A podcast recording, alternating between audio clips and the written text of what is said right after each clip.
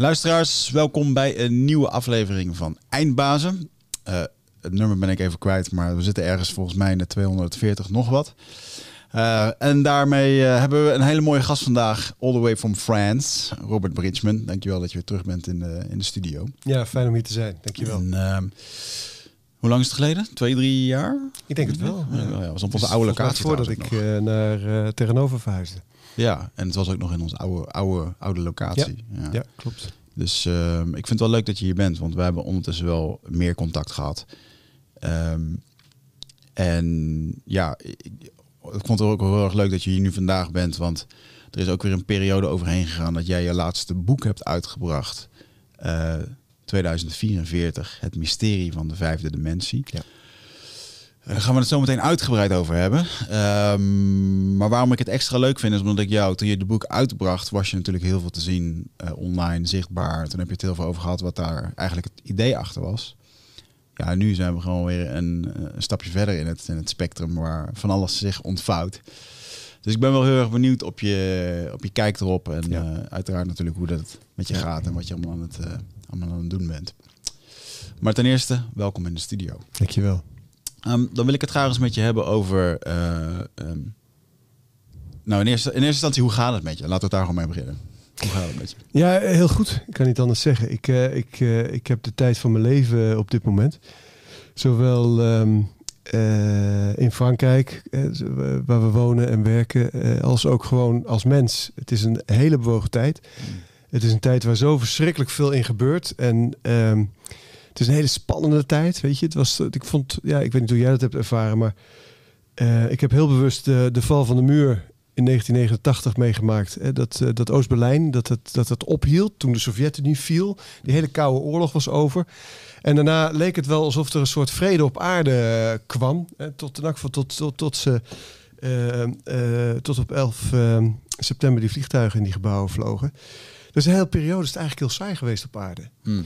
En um, toen hebben ze geprobeerd met die War on Terror. Dat is niet, niet echt van de grond gekomen. En nu is een, ja, hebben ze een fantastisch narratief bedacht. Waardoor we met z'n allen weer in een knetterspannende situatie zitten. Ja. Maar ik denk dat het belangrijk is dat we, dat, uh, dat we de illusie daarvan uh, uh, goed doorzien. Ja. En als je de illusie daarvan doorziet, dan is het een waanzinnige tijd. Er is zo verschrikkelijk veel mogelijk. En de bewustzijns stijging, de ontwakening van de, het ontwaken van de mensheid, gaat nog steeds harder dan datgene wat, ze er, uh, wat, ja. ze wat er tegen ingebracht wordt. Ja. Een ding waar ik heel vaak aan denk, als jij het dan hierover hebt, toen hadden wij een keer een gesprek en toen had jij het over um, dat alles wat er in de wereld gebeurt, dat zie je, je, ont, ja, je, je observeert het en de kunst is om er naar te kijken alsof je aan een zwembad ligt met een glas rode wijn. En dat haal ik nog altijd aan als ik met vrienden hierover heb, dat je dat, je dat toen vertelde. Maar zou je dat nog eens kunnen meegeven aan uh, de luisteraars? Want jij bent, je zegt het eigenlijk al, je noemt net een paar dingen. Die zijn best wel uitgesproken. Je hebt daar een, ja, een mening over. Dat is helder. Um, ja. uh, en net zoals dat heel veel mensen dat wel of niet zullen beamen. Maar wat, wat is de kunst, en noem ik het even zo, wat is de spirituele kunst van dit spelletje? Om hier naar te kunnen kijken en dit, ja, om dit op de juiste manier mee te kunnen maken. Nou ja, dit, dit, het, waar het om gaat is angst. Dus de, het doel van, de hele, uh, van het hele verhaal is uh, zorgen dat mensen in een staat van angst zijn. En dat kan zijn angst om dat er een, een virus aankomt. Hè. Dat kan zijn uit angst om ziek te worden. Uh, angst voor de dood is een hele goede. Want ik zeg, ik zeg wel eens vaker, stel je voor dat angst voor de dood niet, geen topic zou zijn. Mm -hmm. jij, geen, jij hebt geen angst voor de dood, ik heb geen angst voor Niemand heeft angst voor de dood. En dan zegt iemand, er komt een dodelijk virus aan. Dan zegt iedereen, ja nou en? we gaan toch een keer dood, weet je. Dat hoort bij het leven. Vanaf mijn geboorte ben ik al bezig met, met doodgaan eigenlijk. Hè. En um, dus het is, het, is, het is angst. Het is vooral heel veel angst. En dan komt de angst. En de andere kant is angst voor een vaccin bijvoorbeeld. De angst voor maatregelen. De angst voor uitstoting. De angst. En het tegenovergestelde van angst is liefde. Mm -hmm. Dus op het moment dat je in de angst zit, hè, ben je vatbaar voor controlemechanismen. Of je nou voor of tegen iets bent, het doet er niet toe. Waar in die polariteit je ook zit, het is volledig irrelevant. Want je zit al in de angst. Dus je doet mee met het spel. Je zit eigenlijk in die illusie. Ja. En um, uh, de, de, kunst, en daarom dat, dat voorbeeld van inderdaad met een glas wijn aan het uh, uh, zwembad. of met een zak popcorn voor een groot bioscoopscherm. Het is de kunst om op die manier te kijken naar wat er zich in deze illusie allemaal afspeelt. En dat betekent niet dat je je kop in het zand steekt. Dat betekent ook niet dat je niet iets kunt doen, dat je niet de straat op kunt of erover kunt schrijven of kunt spreken. Of hè, helemaal. Ik heb het niet over passiviteit. Mm. Maar ik heb het wel over ehm, met een gezonde afstand waarnemen wat er zich allemaal ja, ehm, ehm, voltrekt Ja. in de wereld zoals wij die vandaag de dag Ja. kennen.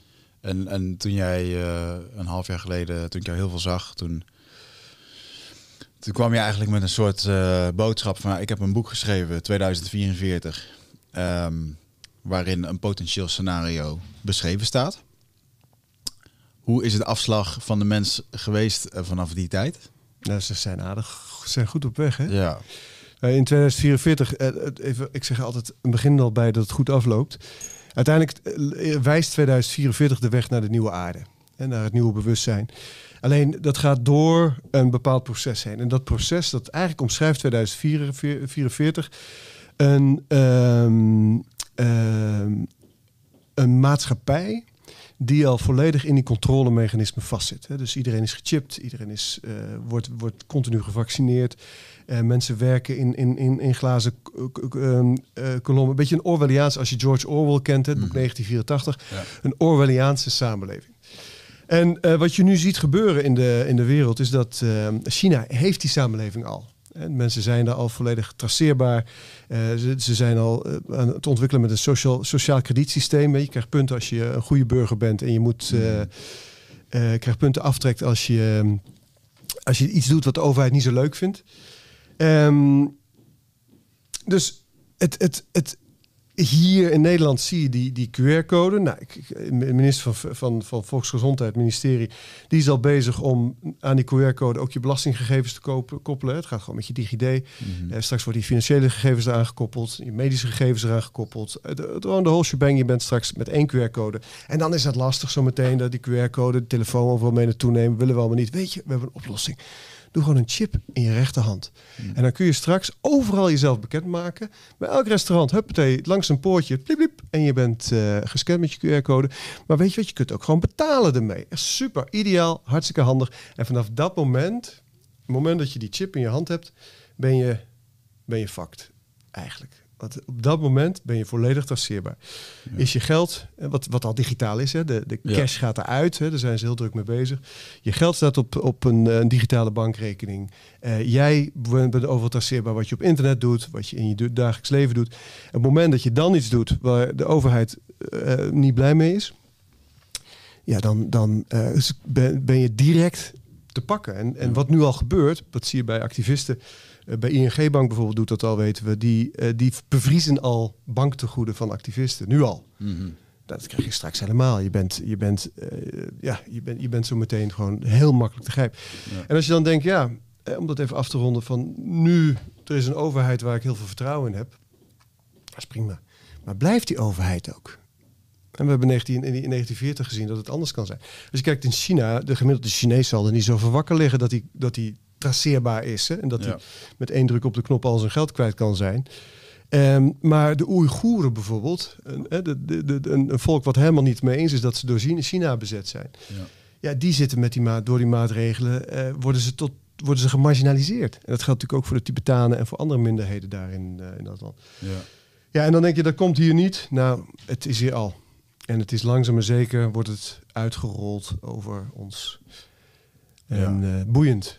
Vind je niet boeiend? Ik vind, vind het zo boeiend. Nou, ja, ik vind het fascinerend uit meerdere oogpunten. Want ehm, enerzijds, ehm, ik luister graag naar eh Nouvel Hari, nou, die boeken heeft geschreven ja, over ja. Homo Deus ja, en zo. Harari, ja. Die, ehm, die beschrijft ook gewoon dat artificial intelligence gewoon een soort van eh, een nieuwe soort zal worden op een gegeven moment. Als, als het zo doorgaat. Ja. En als ik denk dat nou, als wij kijken naar technologie, dan ehm, is het bijna onontkomelijk. Want enerzijds, eh, eventjes ook om de mooie kant aan te tikken, dat als jij over 30 jaar, denk ik, eh, je kransslagader dicht hebt, dan zetten ze er een paar nieuwe aderen in, die worden geprint. worden en dat zijn geprint. fantastische dingen. Ja. Dus ergens is dat transhumanisme ook een soort van logisch, eh, logisch gevolg.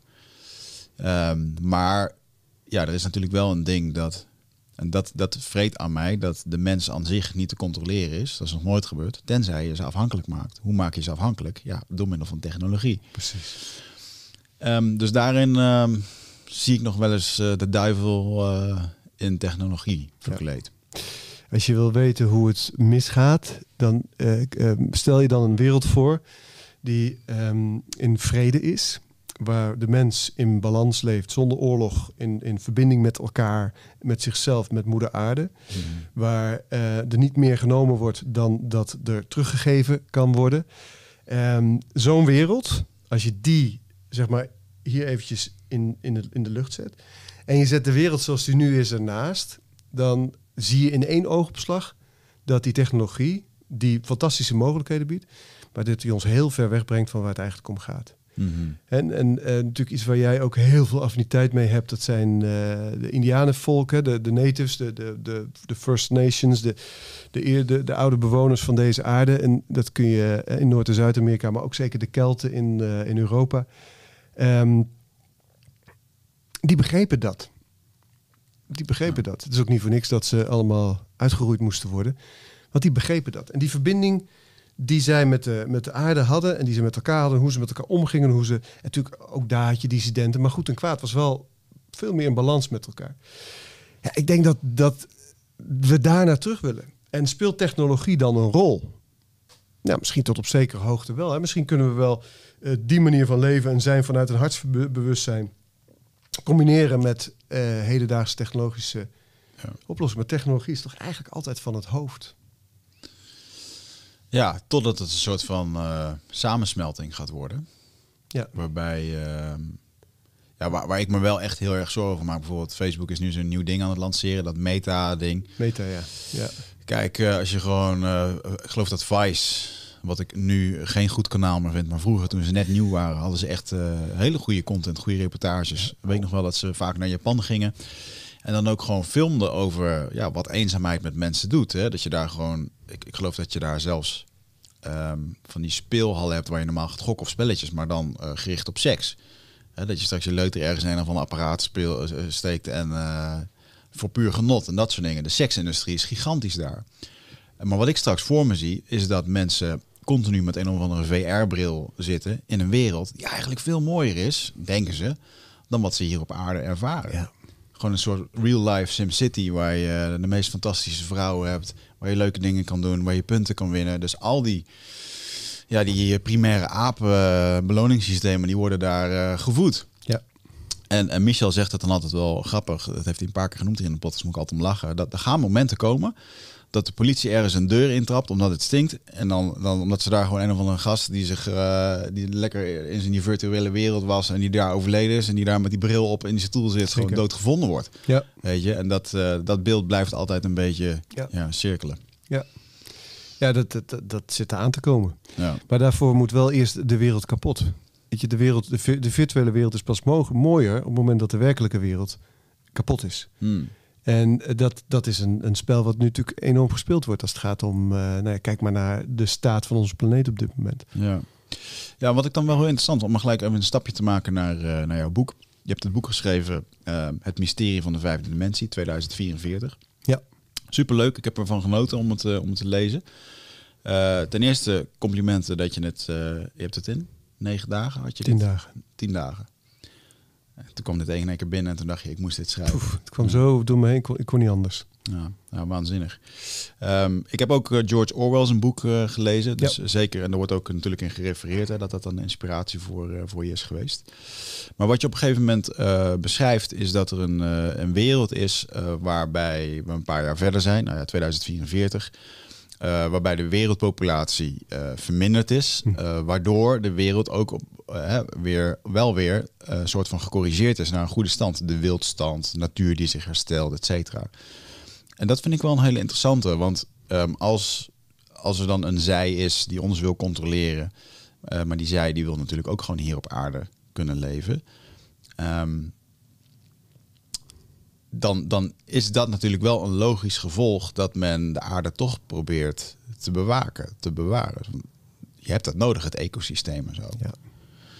Ehm, want, want je zegt nu net eigenlijk, de aarde moet eerst kapot. Moet eerst Nee, de wereld. Kijk, in, in 2044 zijn mensen opgesloten in stadsmatrix. Hè? Dus Mhm. een stad, daar is een soort matrix, een veld overheen eh, gelegd. Mensen denken ook allemaal dat de wereld kapot is. Ze mogen ook niet meer reizen, werkt met een puntensysteem. Dus ehm, als je niet bij de eh, partij hoort, bij de regering hoort, dan mag je niet reizen. Ehm, eh, tot een, een- vanaf een bepaalde functie mag je binnen Europa reizen. En pas vanaf een hele hoge functie mag je internationaal reizen. Want dan zie je wat er eigenlijk allemaal echt gebeurt. En ehm, die mensen die, wo- die wonen in die steden met in volledige veronderstelling dat de hele wereld kapot is. Mm. En die steden die, binnen die stadsmatrixen worden ook hun gedachten continu ehm, gevormd. Hè? Dus door, het, is, het, is, het is nu al mogelijk, niet heel ingewikkeld en het gebeurt ook, om gedachten te planten in, in een groep mensen of in een mens. Hè? Als je gedachten zijn frequenties. Dus als je die frequenties begrijpt, kun je frequenties kun je, ehm, als het ware eh, downloadbaar maken. voor- Zodat mensen ze oppikken en denken dat het hun gedachten zijn. Zie je heel veel gebeuren op het moment dat in één keer een bepaalde gedachte een soort van collectief eh, aanwezig is. Ineens vindt iedereen dit. Ja. En dan, dan gaat de media daarover praten, in de politiek gaan ze erover praten en boem, dan is het een feit. Maar is de propaganda op televisie, om het even heel plat te Is onderdeel dat, daarvan. Dat is eigenlijk al een, een frequentie, toch? Dat is een frequentie, ja. En als die die herhaalt, eh, als je blijft herhalen, alle ongevaccineerden zijn, eh, zijn slecht en ze zijn laag opgeleid en ze zijn dit en ze zijn dat.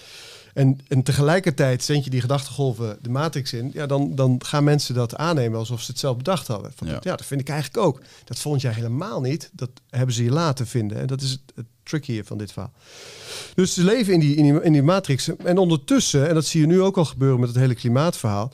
ehm, dat eh, eh, wordt die aarde gewoon opge, opgeschoond. Hè? De, de- het is een, een, eh, de overpopulatie wordt er afgehaald. Mensen worden gecontroleerd, worden als het ware in kooien gestopt. Grote kooien in die steden.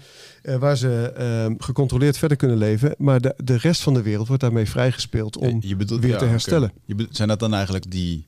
Ik hoorde wel eens dat ze van die smart cities voor ogen hebben. Gewoon eh, hoogbouw, Ja. alles centreren naar de stad. En, eh, Ja, niemand heeft meer bezit. Hè? Dus alles wordt, eh, alles wordt van iedereen. Als je, als je iets nodig hebt, dan huur je het. En dan komt er een drone. Als je iets je hebt een frituurpan nodig, dan komt er een drone langs met een frituurpan. En die kun je dan huren. En de volgende dag haalt die drone die frituurpan weer op. Hè? Mm. En denk ja, dat is eh, wat, wat, wat, wat futuristisch. Maar dat is gewoon op de website van het eh, Wereld Econo- Economisch Forum. Daar, daar zie je plaatjes van drones die dat soort dingen komen afleveren. Ja. En daar zie je filmpjes waarin ze zeggen in, in eh, 2030, zeggen zij al. ehm, you will own nothing and be happy. Je zult niks hebben en gelukkig zijn. Dus de bedoeling is om mensen te onteigenen. Dat we straks geen eigen huis meer hebben. Geen, eh, onze hypotheken worden straks eh, eh, opgelost. Hè. En dan, ja, goed, stel dat je geen schuld meer hebt, maar je hebt ook niet echt bezit. Ehm, dan kun je alles huren en leasen en gebruik maken. En dan ga je auto's delen. En dat, dat is allemaal heel goed. En zeker met die klimaat. ehm, doelstelling denk je, nou, dan doe ik iets goeds. Hè? Als ik niet zelf meer een auto heb, maar ik delen met heel veel anderen. Eh, dat is ook goed. Alleen er zitten ook andere agenda's achter die, ehm, die daarmee eh, complete afhankelijkheid creëren. Ja. ja, ik vond het wel een hele interessante. ehm Madelon Vos is in Nederland een bekende die over crypto's en geld praat. En veel mensen Ja. interviewt over het financiële systeem. En een van die ze had geïnterviewd was Arno Wellens. Die heel erg mooi beschreef dat. ehm, en die zit dan niet zozeer in het spirituele hoekje, maar wel in de. Gewoon eigenlijk de bankaire hoek. Dat hij zegt gewoon, joh, banken zijn gewoon technisch failliet. Dat beginnen de mensen nu ook te zien die vermogend zijn. Dus wat gaan die mensen doen? Die gaan hun geld weghalen, elders Ja. stoppen. Bijvoorbeeld Ja. in crypto of huizen of wat dan ook. Ja. Dus eh, het is wel heel handig dat er straks een, eh, een portemonnee gaat komen of een, eh, een digitale munt. waarbij de overheid kan bepalen dat jij niet meer je geld in crypto stopt of, of elders en zo. En toen zat ik daar naar te luisteren en dacht ik, wauw, is eigenlijk wel een, ja, puur vanuit het financiële oogpunt. En hij legde, eigenlijk, hij legde ook eigenlijk uit, want niemand wil de klap nemen. Jij wil eigenlijk niet de klap nemen dat je Terra Nova hebt gekocht voor een x-bedrag. En dat ze morgen aankondigen van ja jongens, we hebben eigenlijk gewoon, het is allemaal opgeblazen lucht. Je, huis is nu de helft minder waard. Dan, dan krijg je ook een opstand. En niemand wil eigenlijk die klap nemen. De banken niet, de overheid niet. Ehm, dus is dit dan weer een manier om dat weer in stand te houden. En als je het puur bekijkt vanuit de evolutie van het financiële systeem, dan zie je dat er iedere keer een stutpaal onder wordt gezet. En dit is weer de Ja. zoveelste. eh, ja. Dat is niet de eerste keer hoor. Eh, Als je kijkt aan het eind van de 19e eeuw in Frankrijk. Toen eh, was er ook veel te veel zwart geld in omloop en veel te, Mm. veel, veel te weinig controle. En toen heeft de regering al het geld in één keer ongeldig verklaard en een nieuw en een nieuwe munt gelanceerd. Hmm. En toen mocht je je geld inleveren, wat je had, mocht je inleveren bij de, en dan eh, moest je daar een goede, moest je wel kunnen verantwoorden waar het vandaan kwam. Ja, wauw. Dus in één klap hadden ze alles zwart geld wat niet verantwoord kon worden, kon niet omgeruild worden. En dit was in- verdwenen. Ja, 18, 18 zoveel, begin, eind, Oh, eind wauw. 19e eeuw, begin 20e eeuw. En ehm, eh, dat, is, dat is wel vaker gebeurd in de geschiedenis. Dus dit, wat dat betreft is het niet nieuw uh, Nee. om op deze manier de controle over een, eh, een eh, monetair systeem weer terug te krijgen.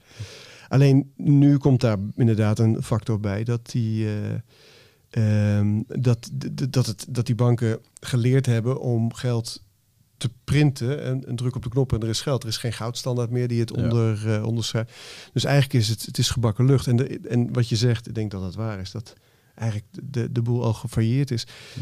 En dan hoor je gisteren dat ING Bank eh, 1,8 miljard winst heeft gedraaid eh, Bizar, in, eh, Ja. in, het laatste, in het laatste kwartaal of het laatste jaar. Dat weet ik even niet meer zeker. Nou, al is het het laatste jaar, dan is het nog heel netjes. Dan is het nog bizar, hè? Ik denk Ja. het laatste jaar. Ja. Dus het, ehm, het, het, het, nee, dat is het laatste kwartaal geweest. Maar het gaat helemaal nergens over. Ehm, geld is, eh eh, dat zie je ook aan inflatie. Hè. We hebben nu een enorme inflatie, 3,4% geloof ik. Eh, terwijl deze opname. Dat zijn officiële cijfers. Officiële cijfers, ja. maar Ja. Dat, als, ik, als ik mijn boodschappen doe, en die doe ik al iedere maandag braaf voor ons gezin, dan zie ik al dat ik voorheen met eh 85 euro uitkwam wekelijks Ja. bij de supermarkt. En dan eh, elders haalden we nog wat voor 70. Ja. Dus 130 is het nu gewoon. Dus dat is al gewoon, ja, dat gaat gewoon omhoog. Ja. Ehm, maar goed, dus dat is eventjes een, eh, even een zijstap over het monetaire systeem. Want de, ehm, ehm, ja, gaat het, om- gaat het dan nu om de pandemie en om de vaccinatie volgens jou? Of Nee, gaat het dat is het begin. het- Dat is het begin. Dit is de eerste stap. Of is die vaccinatie op den duur eigenlijk helemaal niet eens zo heel belangrijk? Uiteindelijk niet. Nee. Nee, uiteindelijk. eh, Dit, is, dit zijn de eerste stappen. Dus het is. Er, is een, de- er, is een, ehm, eh, er zijn eh, filmpjes begin 21e eeuw, hè, 2000, dus 2000, 2006, eh, zijn er denkers geweest die zeiden: Oké, hebben nu gezien dat er bij de Europese Unie wetgeving is veranderd op het gebied van vaccinaties. Hè, dus eh, iets hoeft niet meer op de A-lijst te staan of iets hoeft niet. En ehm, het wacht is nu op een pandemie die ze gaan inzetten om die vaccinaties te kunnen gaan doen, zodat ze de wereldbevolking kunnen gaan controleren. Dat was toen al hè, en daarvoor eigenlijk ook al. Eh, als je kijkt naar, er zijn, er zijn ik, kan, ik kan je boeken en video's eh, geven waarin, in de, waarin 30, 40, 50 jaar geleden al het hierover ging. hè. En, ehm, Rudolf Steiner, de grondlegger van de antroposofie, die had het er 100 jaar geleden al over, bij wijze van spreken. Dat dit ooit zou gaan gebeuren. Dat dit eraan zat te komen. Ja. Dus Hmm. het is niet nieuw. hè. We wisten al dat het eraan zat te komen. Dus toen het ook kwam, toen het, eh, toen het begon, toen was, was ik en heel veel met mij eh, uit, de, uit de spirituele hoek. Wij, wij zeiden: eh, Kijk, het gebeurt. Hè, hè? Eindelijk. Nu gaat iedereen het zien, dachten wij. Nu gaat iedereen het zien. Ja. Dus zo zijn we er ook ingegaan. Een heleboel van mijn collega's ook. Eh, van, eh, nou jongens, kijk, dit zijn ze nu aan het doen. Zien jullie wel wat voor agenda er uitgerold wordt? Hier gaat het om, hier gaat het om, hier gaat het om. Zo, toen kregen we de wind van voren. Eh, mensen waren nog helemaal niet klaar voor die, voor die boodschap. Ja. En toen dachten wij met z'n allen, ho, wacht eens eventjes. Dit, dit, dit, is, dit is apart. Dus wij, we, we, we, we zien het nu. Dat wat wij al zo lang roepen, dat is nu aan het gebeuren. Hmm. En ze zien het nog niet. Nou, toen hebben, hebben we ons een beetje teruggetrokken en toen dacht- en ons beraamd, ieder op zijn eigen manier. De een die is video's gaan maken en de ander die is eh, het in webinarvorm gaan doen en, en de, weer volgende die is er een boek over gaan schrijven. En, Hmm. en we zijn allemaal gaan zoeken naar manieren om die boodschap wel te brengen zonder dat je er te veel weerstand mee eh, creëert. En, eh, want je wilt natuurlijk niet nog meer polariteit creëren vanuit ons gezichtspunt. En ehm, dat, dat, dat vind ik heel interessant. Dat we wisten al dat het eraan zat te, zat te komen. We weten ook dat het de eerste stap is van een veel grotere agenda. En om te weten waar het naartoe gaat, hoef je eigenlijk alleen maar te kijken naar wat er nu in Australië gebeurt. Hmm. eh, aan onderdrukking en aan de, de, de premier van Australië heeft al aangekondigd. Dit is je laatste kans om te vaccineren. Dus het, eh, eh, we, we, ja, we zijn heel benieuwd wat dan een volgende stap is. Hè? Als dit je laatste kans is en je bent straks nog ongevaccineerd, wat gaan ze dan met je doen? Er zijn stemmen die zeggen, nou, er zijn quarantainekampen of isolatiekampen gebouwd. Waar mensen zo meteen naartoe moeten als ze niet gevaccineerd zijn. Die worden uit de maatschappij eh, gehaald. Hmm. En dat is natuurlijk een fantastische manier om je dissidenten uit te filteren. Hè? En eh, alle mensen, dat is een grotere groep dan we denken. Veel groter. Het wordt heel klein gemaakt. Wat bedoel je met eigenlijk een hele- Die niet, die niet eh, meegaan? Mensen die niet meegaan in je Ja. narratief, in je Ja. verhaal. Nou, en als je dan nog verder kijkt, dus China is natuurlijk het voorbeeld van wat er, wat, wat er daarna aan zit te komen. Het is ook niet voor niks dat uh, Xi Jinping, de president van China, het laatste vergadering van het World Economic Forum heeft geopend. Die, die, die, ja, die hmm. hebben de, de weg geplaveid, zeg maar. Die het laten zien, kijk, het, het kan echt. En ja, goed, in het Westen zullen we misschien wat aanpassingen moeten doen, maar ja. het kan ook hier. Ja, ik vind dat een gevaarlijke dat, uh, dat er vaak wordt verwezen in de media van, kijk, uh, China doet het heel erg goed. Ja, en dat klopt. Alleen de reden waarom China dat soort dingen heeft ingesteld, heeft wel hele andere bewegingen. Dus dat, dat, dat, is inderdaad niet, uh, ja. niet, niet het juiste.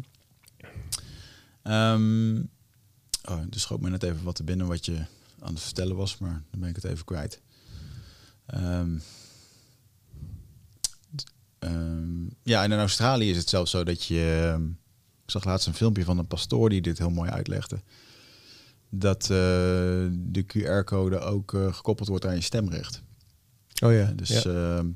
maar ja. ook dat de mensen binnen het parlement, par, dat gaf, gaf het heel goed weer. De mensen binnen het parlement, die ook dus mogen stemmen over wetten, mogen niet meer het parlement in zonder, zonder dat ze gevaccineerd zijn. Ja.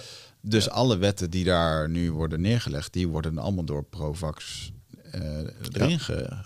gegoten. Ja. En ja, ik vind het echt uh, bijzonder. Um, zie, zie, die, die mensen zien het gewoon niet. Nee. En hetzelfde met die motie. Ik had het hier met Tijn Touwer over. Ik heb het nog steeds niet gedaan. Dat heb ik wel beloofd. Ik had het er met Tijn Touwer over dat die motie hier in Nederland... Van, dat we hier geen social credit system willen hebben. En dat er gewoon wordt gestemd dat sommigen daar tegen... Dat ik tegen hem zei van ja, mis ik nu gewoon iets in het verhaal wat ik niet zie? Zeggen, zeggen die mensen gewoon van ja, maar dit is onzin, het gaat echt nooit komen, dus daar gaan we ook niet eens over kletsen. Dat zou een motivatie kunnen zijn. Of hebben ze het idee van nou, misschien op den duur is het nog best wel een goed idee. En um, ik werd een keertje op mijn vingers gewezen in een clubhouse sessie met een directeur van een ziekenhuis. Ik kwam toevallig mee in gesprek daar. En toen had ik een beetje mijn onvrede over de overheid geuit. En toen zei hij van oké, maar wat heb jij de afgelopen jaren gedaan? Om, heb je bijvoorbeeld een keertje de moeite genomen om een keer zo'n Kamerlid te mailen? Ja, en eigenlijk kon ik daar geen goed antwoord op geven. Want uh, die zijn best wel welwillend om daarop te antwoorden. Natuurlijk niet een Rutte of de Jong of wat dan ook. Maar de kleine Kamerleden die ook stemmen, die wel. Dus ik heb dat nog steeds op mijn lijstje staan. Om die mensen gewoon eens te mailen van... Joh, wat is nou gewoon de motivatie? Dat is een mooie, mooie oproep. Ja. Ja, omdat het best wel Hoe makkelijk... meer mensen dat, dat gaan doen, hoe beter het is, denk ik, die mailtjes sturen. Ja, maar gewoon met, met, met, met wel, ge, ja, welgestelde interesse. En ik ben echt benieuwd wat dan zo iemand beweegt om, die, om daar tegen te stemmen. Ja. Um, want nu is het heel makkelijk. En ik ben me heel erg bewust dat uh, mijn social media feed niet de waarheid vertelt. Ja. En maar dat ik me wel daar heel erg door laat leiden. En mijn emoties en dingen. En, uh, ja. en, en dat, is, dat is echt wel een hele gevaarlijke ook erin. Continu checken. Hè? Ja, maar ja, wat check je dan? Wat is de waarheid? Bronnen, weet je? Ja, maar bronnen checken en alles wat ook maar enigszins uh, discutabel ja. uh, kan zijn, naast je neerleggen. En, en ik heb dan natuurlijk een heerlijke sparringpartner genaamd Michel Vos, die er nu niet bij is, maar die, die kan hier altijd wat meer uitzoomend naar kijken. En laatst stelde hij dan hele goede vragen. Want stel nu dat er dan inderdaad zo'n elite is die ons wil controleren en zo. Wat weten zij dat wij niet weten? Misschien is dat het wel. Hè? Dat ze zeggen inderdaad, een hele logische zou kunnen zijn van ja jongens, wij weten op een heel hoog niveau dat het echt heel slecht gaat met de aarde. En, en, en ja, er moet wel wat gebeuren. Zou er op zo'n niveau nagedacht worden? Ja, op, op, een, op een, ik denk dat we, dat we ons moeten realiseren dat er nagedacht wordt en geacteerd wordt op een intelligentieniveau, wat voor ons totaal ongrijpbaar is. Hmm. Dat het, uh, je zou haast kunnen zeggen, op een buitenaards intelligentieniveau. Als je denkt, ja, hoe kan dit nou allemaal um, geanceneerd zijn? En ja hoor, tuurlijk, allemaal tegelijkertijd in de wereld. En uh, die, uh, ik, ken je die documentaire van Tim Gielen? Nee. Ga, die Tim Gielis gaan onderzoeken wie de aandeelhouders, wie zit er nou eigenlijk achter al die bedrijven in de wereld. Dus hij is gaan kijken en dat kun je heel makkelijk doen. Maar uh, uh, aandeelhouders van verschillende bedrijven kun je, kun je googlen. Um, uh, waar staat het ook weer op? er is een. Um, ik ben het even kwijt, maar dat kan ik, wel, kan ik wel nakijken. Dan kun je heel eenvoudig checken wie zijn de grootste aandeelhouders van dit bedrijf. En dan zie je dus, en dat laat hij in die documentaire heel mooi zien, dat de twee grootste aandeelhouders van Facebook zijn dezelfde als de twee grootste aandeelhouders van Pfizer. zijn dezelfde als de twee grootste aandeelhouders van Unilever en alle andere foodbedrijven. Reuters. Zijn dezelfde als de als aandeelhouders Reuters en alle grote persbureaus zijn dezelfde als. En dat zijn eh, eh, eh, Vanguard en um, wat die tweede ook eh, nee, eh, ehm, eh, Blackstone. Blackstone, oké, ja. Blackstone en Vanguard. En als je kijkt wie daar de aandeelhouders van zijn, dat, dan wordt het ingewikkelder om dat eh, uit te vissen. Dan kom je op een aantal grote families. Hè? Die, Ja. eh, de Morgans en de... Nou ja.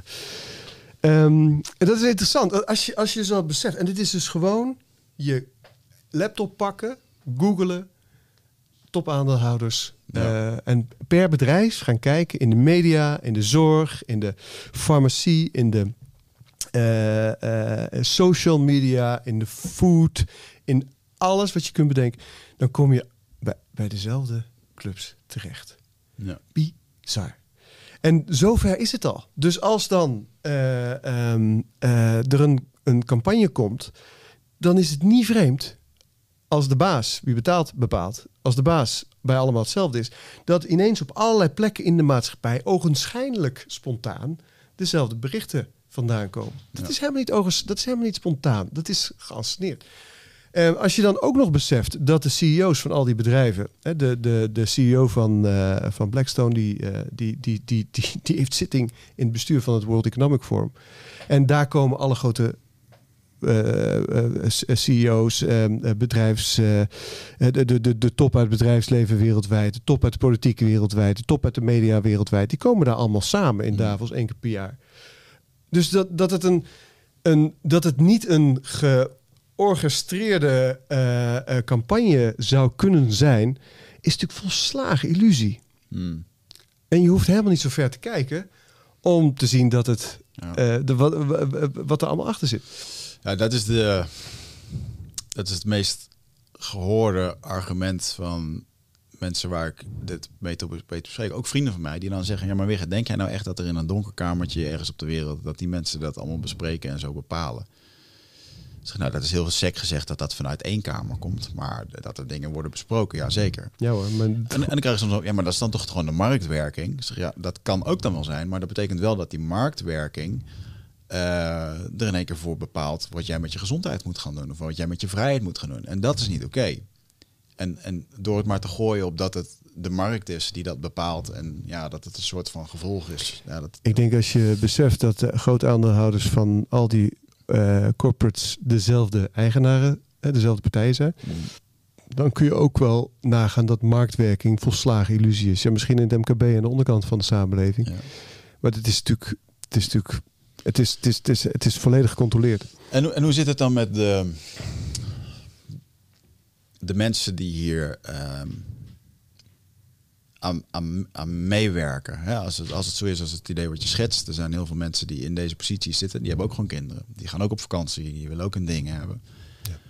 Dan vraag ik me wel eens af van wauw, maar waarom is het zij, hè, bijvoorbeeld de mensen die bij een vaccinatiebedrijf werken, dat zijn hoogopgeleide doktoren. Ik heb het idee dat zij daar met hun beste kunnen hun dingen zullen doen. Dat denk ik ook. Ja, Ehm, hè, dat heel veel mensen daar het idee hebben dat ze ook het goede doen. ja. Ehm, ik heb daar ook zelf de antwoorden eigenlijk niet op of dat nou wel of niet is. Ehm, en hetzelfde als in, ja, de mensen in de hogere functies, die hebben ook gewoon hun eigen wereld die ze beter proberen te maken. Hoe, hoe zie je dat dan? Waar, waar gaat dat fout? Of wanneer is dat zuiver of niet zuiver? Of is dat bewust of onbewust? Nee, het, weet je, het, het gaat op dit moment maar om één ding en dat is perceptie. En dus hoe kijk je naar de wereld? Wat is je perceptie op de, op de wereld op dit moment? En je perceptie is bepalend voor hoe je leeft, voor wat je gelooft, wat je overtuigingen zijn, wat je voelt, eh, wat je denkt, hoe je met de wereld en met elkaar omgaat, met jezelf omgaat en zo verder.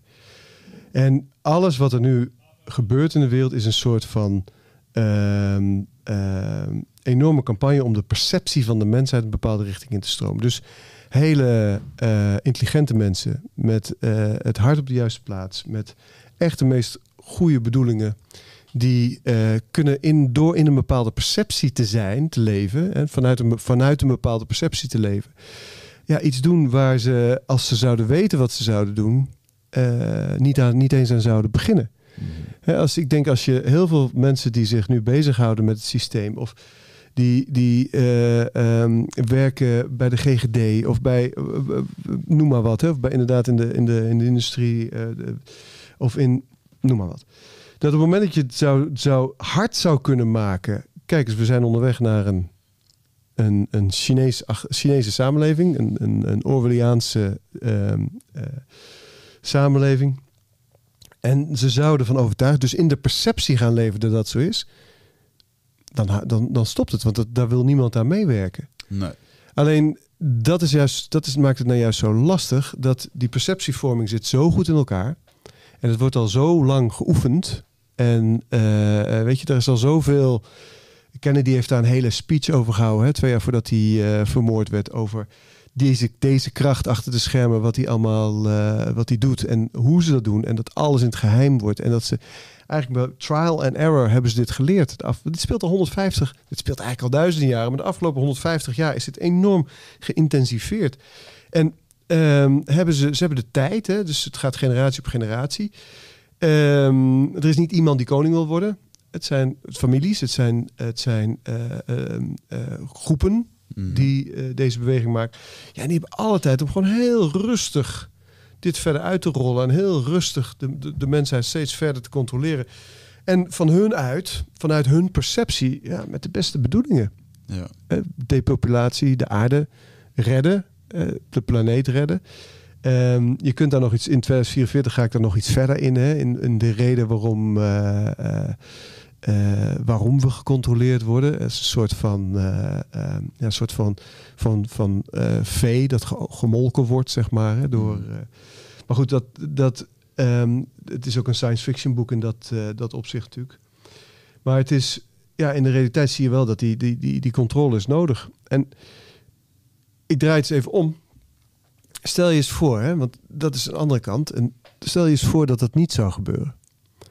Stel je eens voor dat er geen controle zou zijn. Stel je eens voor dat de marktwerking werkelijk zou zijn. Stel je eens voor dat we echt vrij zouden zijn. Mhm. Er zijn 7,8 miljard mensen. Er worden 50 voetbalvelden per minuut omgehakt in de Amazone. Ja. De, de, de oceanen worden met een enorme, in een enorme snelheid vervuild. Er zijn 800 miljoen mensen op aarde met verschrikkelijk honger. Stel dat er niet, geen controle zou zijn. Mhm. Waar zouden we dan naartoe gaan?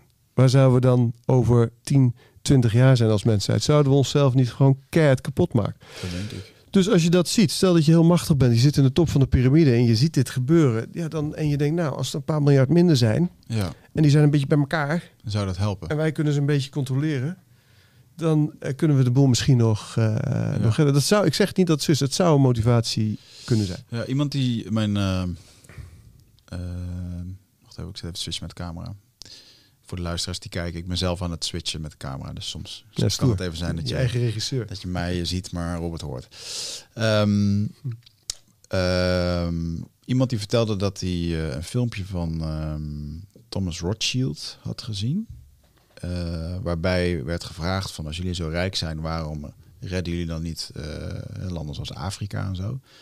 Waarbij hij waarbij die ook eh, vrijwel letterlijk had gezegd van ja, en dan? Stel dat we die mensen allemaal een inkomen geven, allemaal een koelkast, allemaal een ding.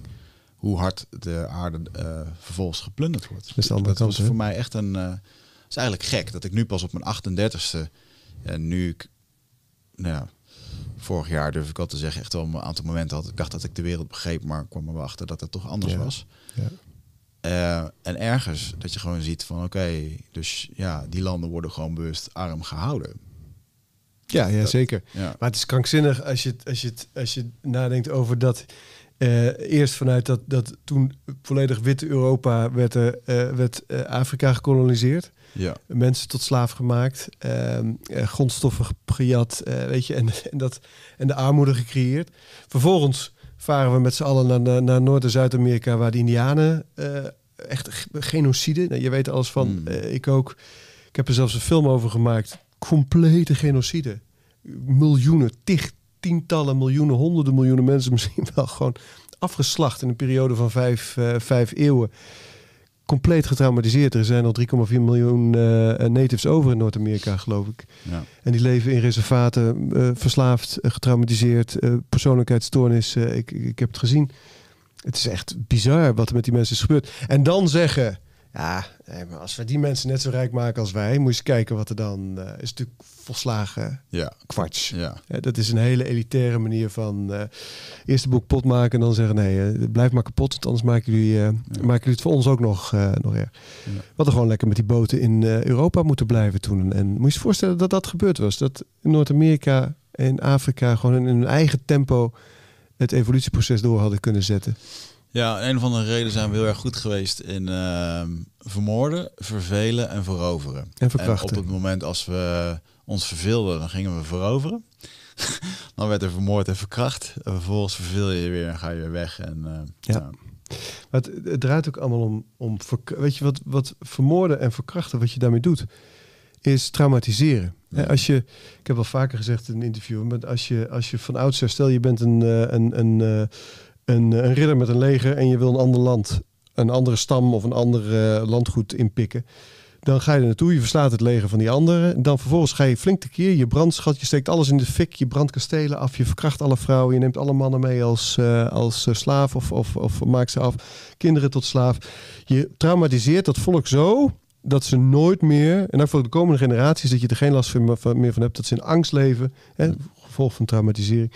En dat ze uh, volledig controleerbaar zijn. Ja. En dat hebben ze natuurlijk ook met de Indianen gedaan, met de natives gedaan in, in Noord- en Zuid-Amerika. En nog steeds, hè, want in Mexico zijn op dit moment enorme problemen met, met regerings, het regeringsleger wat de Bush intrekt om die mensen te onteigenen. Ja. As we speak, jij en ik, worden daar mensen vermoord en verkracht om die Amazone, om dat bos van ze af te pakken. Ja. In Noord-Amerika, ik ken veel Lakota, ik ben daar uh, geweest, veel Lakota-Indianen, veel en ik gebruik het woord Indianen met respect, zeg ik altijd bij, uh, omdat er in het Nederlands gewoon niet echt een beter woord uh, voor is. Inheemse. Ja, inheemse of natives. Hè, maar um, als je ziet hoe die tot op de dag van vandaag worden getraumatiseerd. Ja. Ongekend, buitengesloten. Die scholen, ze vinden nu al die lijkjes in die Canadese scholen. Dat, dat is allemaal traumatisering. Dus wat krijg je dan? Mensen die niks meer kunnen aanrichten. Dus al die natuurvolken, ja, die zijn hartstikke getraumatiseerd. Oh, en nu zijn wij aan de beurt. Wat hebben ze daar 400 kinderen of zo toch gevonden? Vier kinderlijken of zo? Nee, veel Of, meer. uh, Veel meer. Meerdere scholen hebben ze massagraven gevonden met honderden kinderlijken. wow. Uit die tijd van die... Ze hebben toen uh, in, in Amerika 100.000, uh, minstens 100.000 kinderen van natives. Maar ook in Australië is hetzelfde gebeurd met Ja. aboriginal kinderen. Ja. Ook minstens 100.000. Die zijn gewoon van huis geroofd. Hè. Dus ik ken ooggetuigenverklaringen. Ehm, Maarten Overzien heb ik, wel eens, heb ik het al met je over gehad. Die uh, reïncarnatietherapeut die uh, uh, boek, boek, een, onlangs een boek daarover geschreven heeft. Die, die vertelde dat hij uh, een vriend van hem, die als, als klein jongetje uh, uh, was hij in het reservaat aan het spelen met zijn broertjes. En ineens komt er een busje aanrijden en zijn broertje zegt... Uh, wegwezen, wegwezen. En dan komen mannen, blanke mannen uit het busje. En die pakken zijn broertje mee, zetten hem in de auto... en brengen het broertje naar zo'n school. En zo ging dat. En die scholen waren ook altijd te ver voor die ouders... die over het algemeen arm waren om daar naartoe te kunnen. Ja. En uh, zo werden die kinderen... daar- En die mochten dan geen indiaan zijn. Hè? Die mochten hun taal niet spreken. Die mochten, Ja. moesten westerse kleren aan. Ehm, save the man, kill the Indian. Dat was, de, was het... eh, Was het hè? dat was, Dat was de, het idee.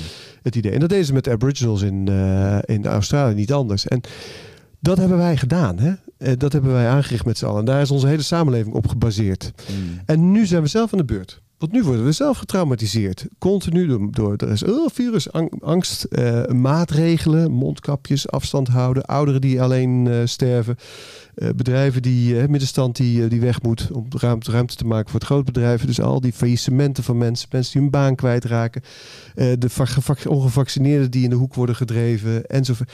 Het is één grote traumatiseringsslag. Het is, het is heel vergelijkbaar met wat er, wat er met, die, met, die, met die inheemse volken gebeurt. En met als doel om ons ook in een angststaat te brengen. En als wij in een angst- en traumastaat zijn met z'n allen... en we bang zijn ofwel voor het virus, ofwel voor het vaccin... ofwel voor de maat, het maakt niet uit... Dan zijn we volledig controleerbaar. Ja. Wat letterlijk je, je, je hersenfuncties gaan... je, je denkend brein, die prefrontale cortex... die gaat minder functioneren. Je Ja. emotioneel brein, je, je limbisch systeem... eh, wordt dominanter. Je kunt niet meer normaal nadenken. Je kunt eigenlijk, als je getraumatiseerd bent, kun je eigenlijk alleen maar nu leven. Ja. Je kunt niet meer in het verleden of in de toekomst zijn, want dat is, dat is, Ja. d- daar heb je geen tijd voor als je in overlevingsstand bent. Ja, en dat is wat je, nu, ehm, eh, wat je nu ziet gebeuren. We zijn met z'n allen zo in overlevingsstand gebracht dat het een appeltje eitje is om een bepaalde percepties Sturen. te sturen. Ja. Dat is makkie. Het schiet me in één keer te binnen wat ik net weer, eh, wat ik net aan je wilde eh, vragen of meedelen. Ik heb het boek gelezen, De Keuze van Edith Heger. Echt waanzinnig boek voor de mensen die eh, überhaupt over de menselijke geest en de veerkracht die we kunnen hebben. Maar zij is nu geloof ik 98 jaar Auschwitz-overlever. En ehm, vind ik ook zo'n ding. Hè? Je mag tegenwoordig niks meer vergelijken met, eh, met bijvoorbeeld een Tweede Wereldoorlog. Heel slim, hè? Dat dat Ah, ik, las dat, eh, ik las dat boek waarin zij gewoon een getalenteerd ballerina was. En waar er gewoon ehm, tien jaar voor de Tweede Wereldoorlog... dat zij op een gegeven moment naar de Olympische Spelen zou gaan... want ze was zo ontzettend goed. En dat op een gegeven moment toch de melding kreeg van... Joh, ehm, we gaan toch die anderen naar de Olympische Spelen sturen... die- terwijl die minder goed is dan jij. Ja, hoezo dan? Ja, je bent Joods, weet je wel. Ja. Ehm, er was ook nog een ander boek. Ik heb eventjes een, in een grote vakantie helemaal in de Tweede Wereldoorlog modus gezeten. Allemaal boeken gelezen. Dat is ook een boek van ehm een Eddie. Ik ben de naam even kwijt. En die heeft, ook, ook, heeft er ook in gezeten in zo'n eh, in zo'n kamp. Ehm, die werd gewoon tien jaar eerder naar een school gestuurd met een vals identiteitsbewijs. Omdat hij daar dan naar school mocht. Die heeft ja zes jaar lang heeft hij ingenieursopleiding gehad. En uiteindelijk is hij wel ook in zo'n kamp terechtgekomen. Maar wat ik echt bizar vind, is dat we zijn dus op een gegeven moment tien jaar verder.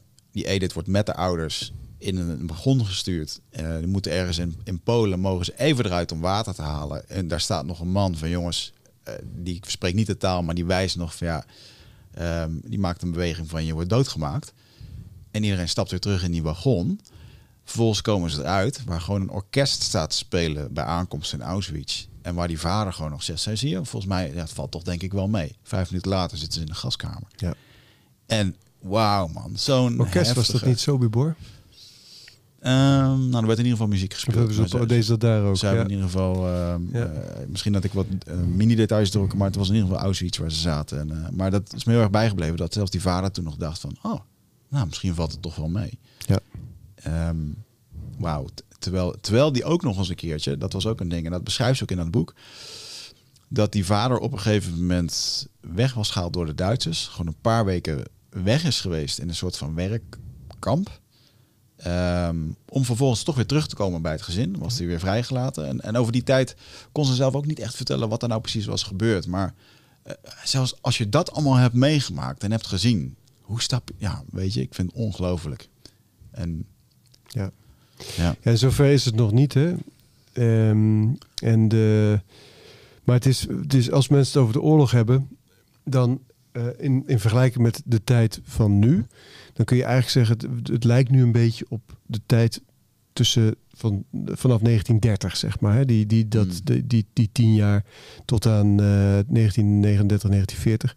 In de zin van dat langzaam maar zeker werd daar ook eh, steeds meer controlemaatregelen ja. opgelegd. En langzaam maar zeker werden daar, eh, werd daar het Joodse volk gedemoniseerd. Hè?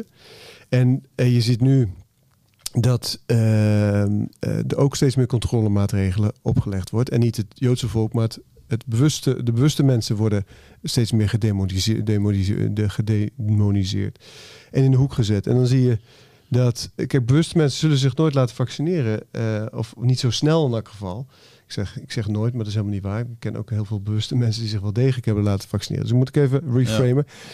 Ehm, veel bewuste mensen zullen zich niet laten vaccineren. En die, die, de, de mensen denken dat het de keuze is, maar het is geen keuze. Het is, het is dezelfde keuze als dat ik tegen je zeg voor iemand met een bepaald bewustzijn. Joh, ik, eh, ik ga nu accuzuur in je bloed spuiten. Is dat een keuze, ja of nee? Dat is geen keuze. Dan zeg je nee tegen. En dat, dan zeg je net zo lang nee tegen tot je inderdaad of verplicht wordt of het niet meer hoeft te doen. En dat is wat, er nu, wat je nu ziet. Dus mensen die, die daar geen bewustzijn op hebben, denken, ja, wat maakt het nou uit zo'n spuitje? Het is getest. Het, is, het, is een, het is niet getest. Het is. eh, eh, ehm, Het is getest, maar het is niet voldoende getest in jouw ogen dat het veilig voelt voor jou. het is toch nieuw? Eh, het, is, het is zodanig nieuw dat je, je weet niet wat de lange termijn effecten ervan van zijn. Ja, en weet je, als je op een gegeven moment, ik, ik denk als je op een gegeven moment een bepaalde. Stel, je hebt eerst eerder werd gezegd, als we als zo'n 60, 70 procent van de mensen gevaccineerd is, dan hebben we groepsimmuniteit. Nu is naar verluid meer dan 80 mensen, procent van de mensen gevaccineerd. Dan zou het toch ook een keer goed moeten zijn. Dan zou je toch ook moeten kunnen zeggen, nou, die laatste mensen die zich echt niet willen vaccineren, oké, laat maar, dat is oké.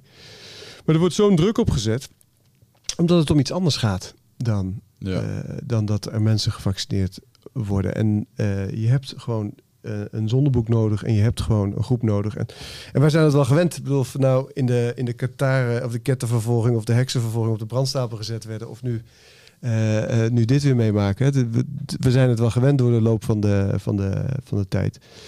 Maar misschien is het wel een goed moment om, daar, om een klein beetje een buiging te maken naar. Want het klinkt allemaal heel negatief en heel eh, eh, pessimistisch misschien, hè, wat, ik, eh, wat ik zeg en wat wij bespreken. Want Mhm. Eh, je hebt je natuurlijk ook eh, ja, heel erg ingelezen. In, in, je- jij weet ook veel van wat er gebeurt op dit moment.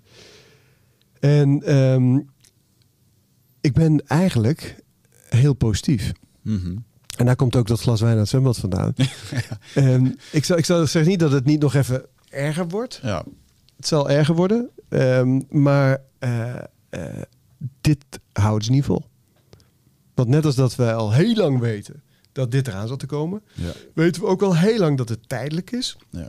En weten we al heel lang dat dit een soort laatste oprisping is van een kracht die ons de afgelopen nou, 2000 jaar of meer heeft beheerst. Hè, die piramidia, piramidale eh, kracht met koningen, keizers, adel, ehm, en machthebbers, eh, op angst gebaseerd, controlemechanismen en zo verder. De, de vissen, het vissen tijdperk of het Kali tijdperk.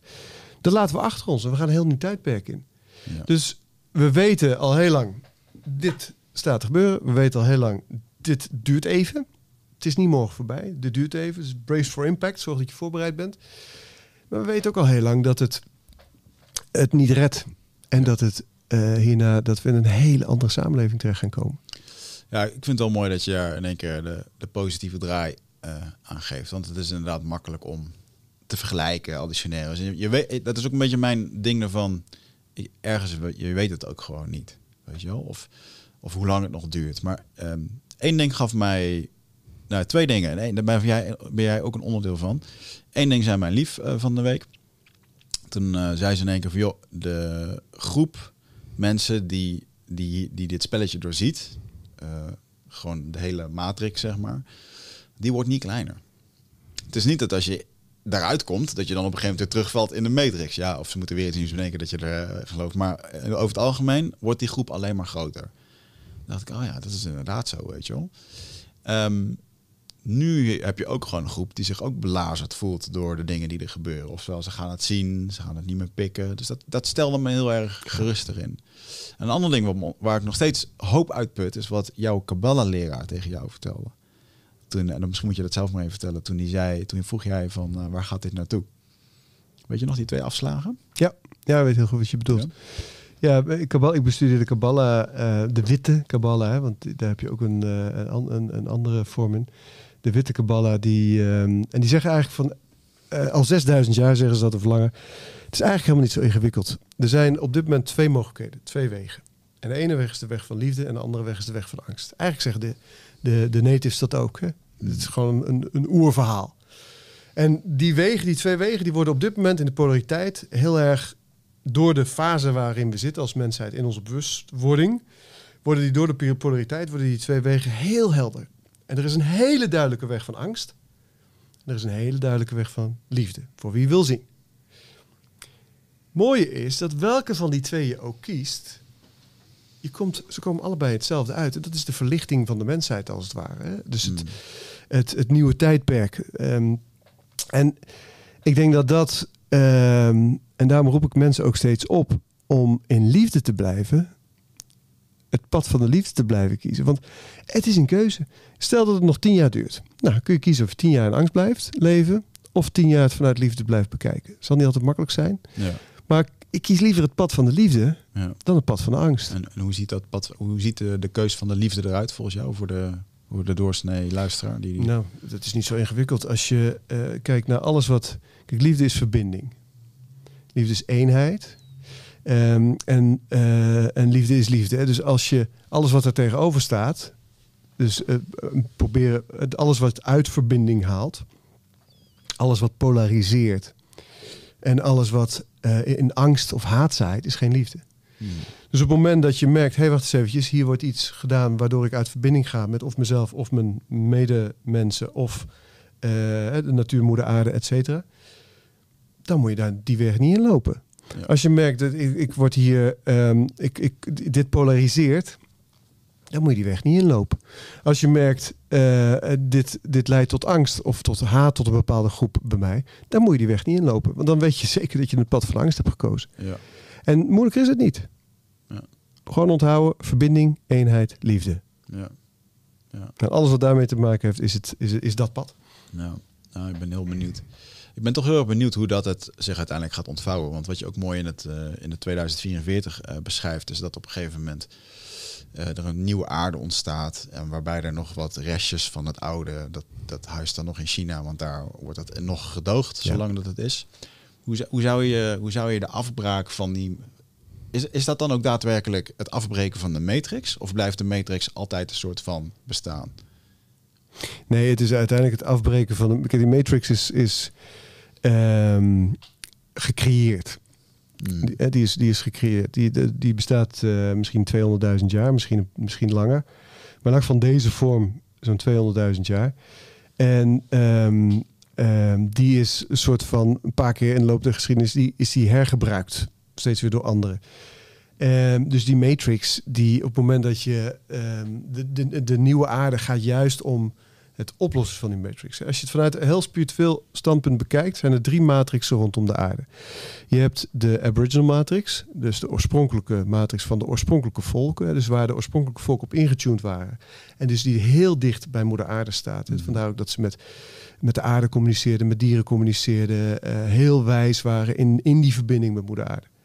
Dan heb je de tweede matrix, dat is die, dat hologram, de matrix die wij de matrix noemen. Dus die hele mannelijke macht en, en, en, en controle ge- ge- ge- gerichte matrix. Gefabri- gefabriceerd? ook? die, zeker gefabriceerd, ja. Die is, die is gefabriceerd. Dus die, die Aboriginal matrix, gewoon de oor- oorspronkelijke matrix van de aarde. Mhm.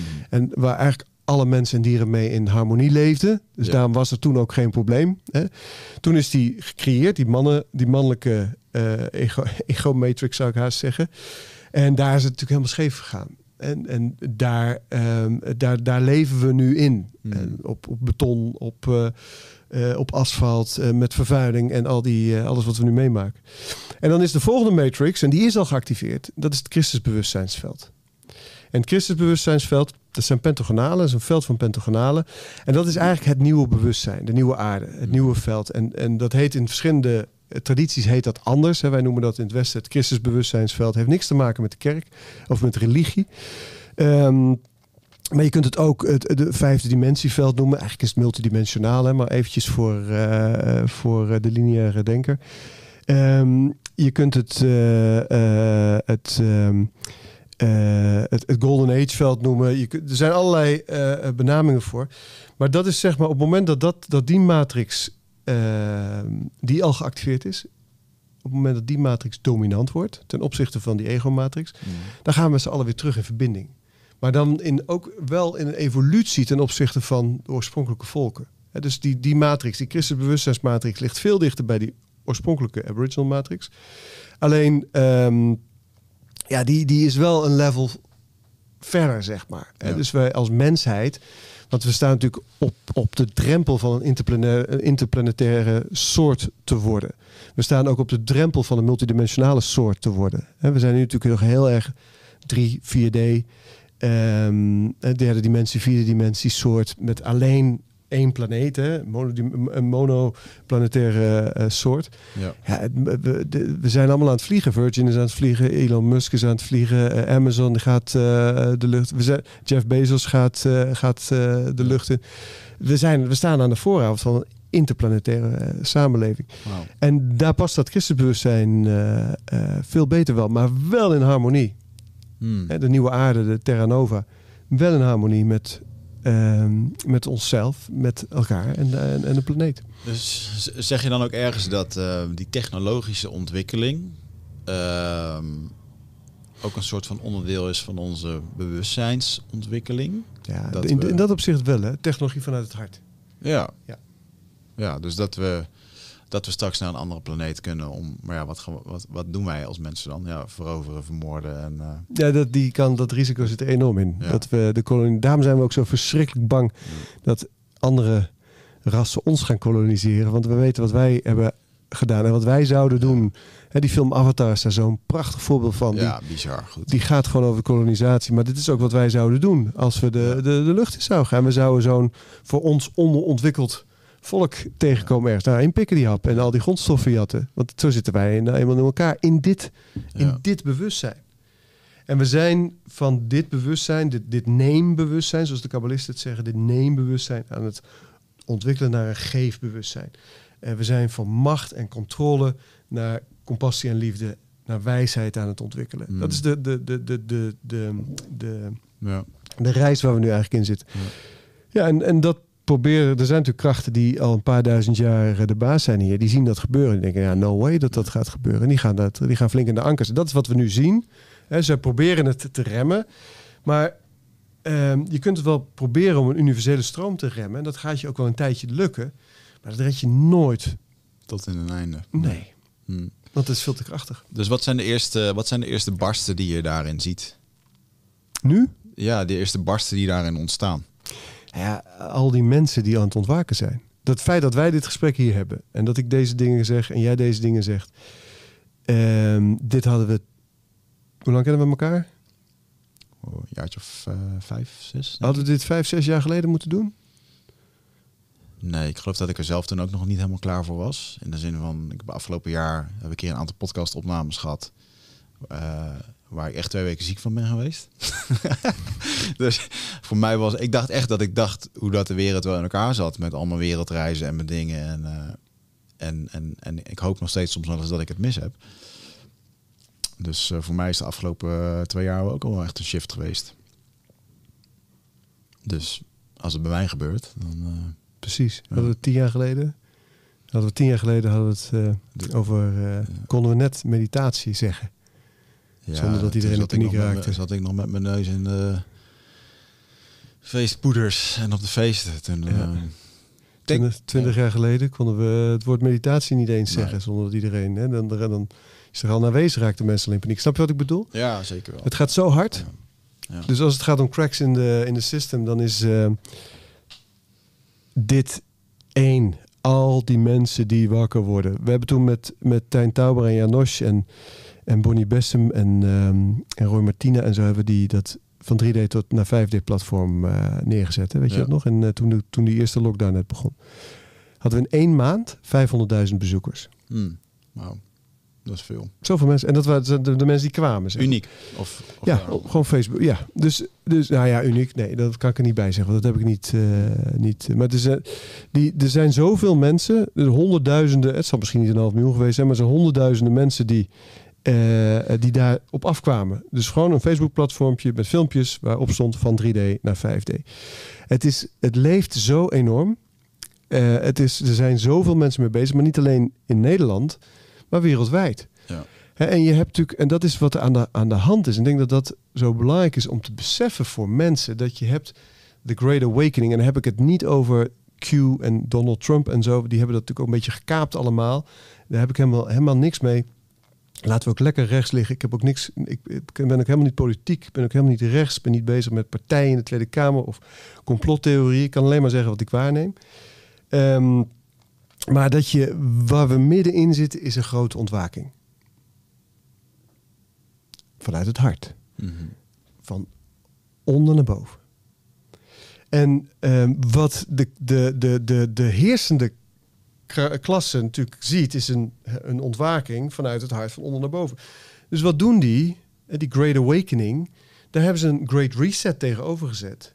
Die top-down is. Dit is bottom-up, die top-down is. En die om controle en macht gaat. Dus hier gaat het om liefde, eenheid. wa- Met z'n allen wakker worden in compassie en wijsheid. En het op een andere manier gaan doen. Ja. En hier gaat het dan ineens over controle, macht en angst. En deze probeert deze te vangen. Maar dit is zoveel groter Hmm. dan dit. Dit is een mens, door mensen bedacht wilsconstruct. Ja. Dit is een universele beweging. Uiteindelijk kan dit, dit wel even tegenhouden. Maar het haalt het natuurlijk niet. Dit is veel te groot. Dus er komt een moment, en dat is ook in 2044... dat eigenlijk is dan iedereen leeft in controle... maar iedereen is eigenlijk al wakker. Er zijn zoveel mensen wakker dat het op een gegeven moment niet meer tegen te houden is. En dan hoeft er maar één man te zijn in dat boek... die iets doet waardoor in één keer bam de hele wereld Ja. doorbreekt. En dan lijkt het een kwantumsprong... Ja. Maar het is een zorgvuldig opgebouwd proces in de loop der tijd, waarbij dat, dat nieuwe bewustzijn door mensen heen zich steeds verder, eh, steeds verder expandeert.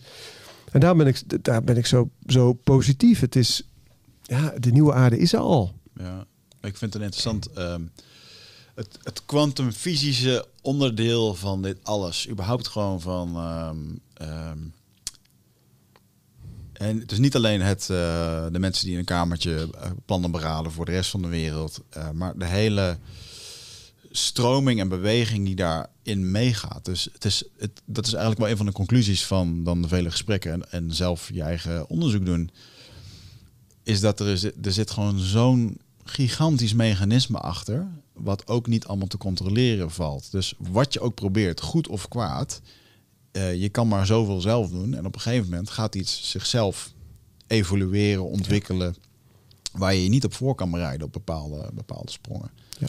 En dat is wel een. eh, enerzijds geeft dat, geeft dat hoop dat we niet overal inderdaad de controle op hebben. Eh, ja. Ja. ik ben heel erg benieuwd.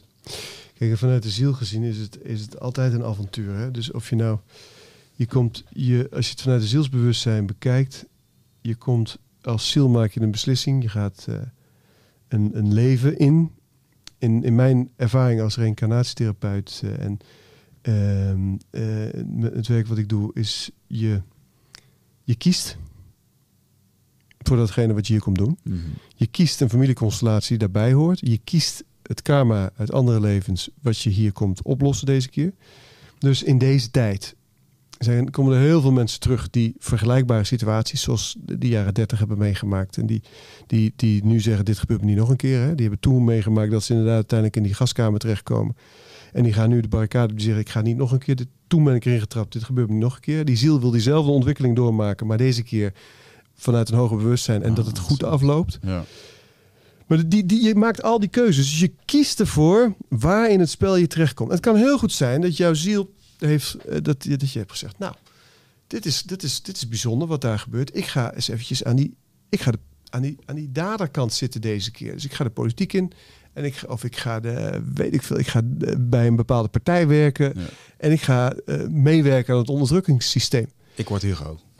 Dat je gewoon niet Bijvoorbeeld, er is een ziel, er is dus een ziel geweest die heeft gezegd, ik, dat, dat is mijn rol. Die, die, Ja. die neem ik. Ja, en een pittige, en een pittige rol ook hoor. Hele ik bedoel, eh, en moet je- respect. En daar moet je ook wel kamer voor hebben hè, om die rol te mogen. En wat, wat bedoel je daarmee? Dat, Nou, eh, dat betekent dat je in het verleden dat soort rollen eerder hebt bekleed. hmm, En vaker die, dat stuk hebt opgevoerd, maar dan op een andere manier. hmm. Want ja, je ziel komt elke keer weer die rol nog een keer ervaren, net zolang tot die, tot die eh, overstegen is. Hè. Dus ehm, ja, en, en, en, en dat, maakt het, dat maakt het zo boeiend. En dat maar als je, als je uiteindelijk is die, die nieuwe aarde ook. Hè, wat is nou het allerbelangrijkste in die nieuwe aarde?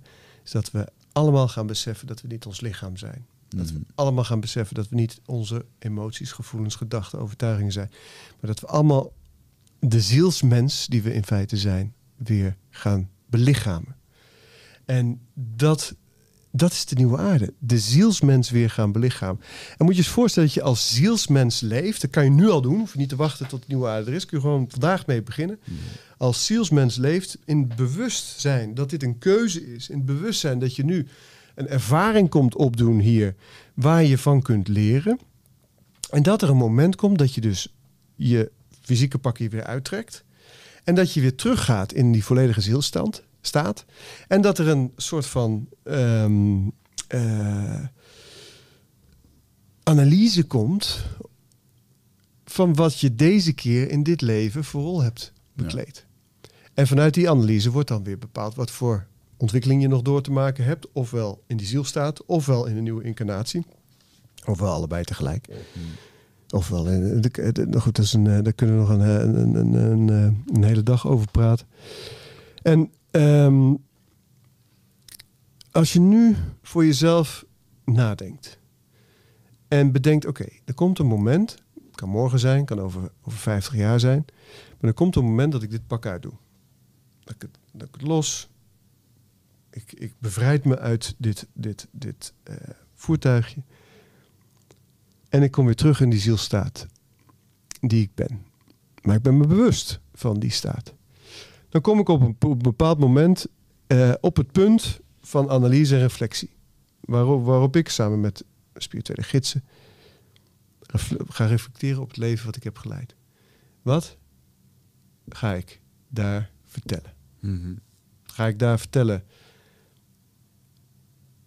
Ja, het was allemaal zo eng. Dus ik heb dit gedaan. Ik heb me verstopt, verscholen. eh, ik heb aan onder de bank gaan zitten. Of ik, of, ik heb meegewerkt. Ik ben daaraan eh, aan, in volle kracht eh, aan meegaan eh, doen. Ehm, of heb je een ander verhaal? En ik denk dat dat heel belangrijk is in deze tijd. Als we ons gaan beseffen wie we in werkelijkheid zijn. En vanuit daar een positie innemen. Ja. En keuzes maken. Mm. Net als dat wij nu in feite op een bepaalde manier een beschouwende, hè, ik bedoel, we zijn geen partij, we gaan niet de strijd aan met iemand. We hebben een gesprek vanuit liefde over wat wij persoonlijk zien gebeuren. We proberen niemand iets op te dringen, niemand te overtuigen.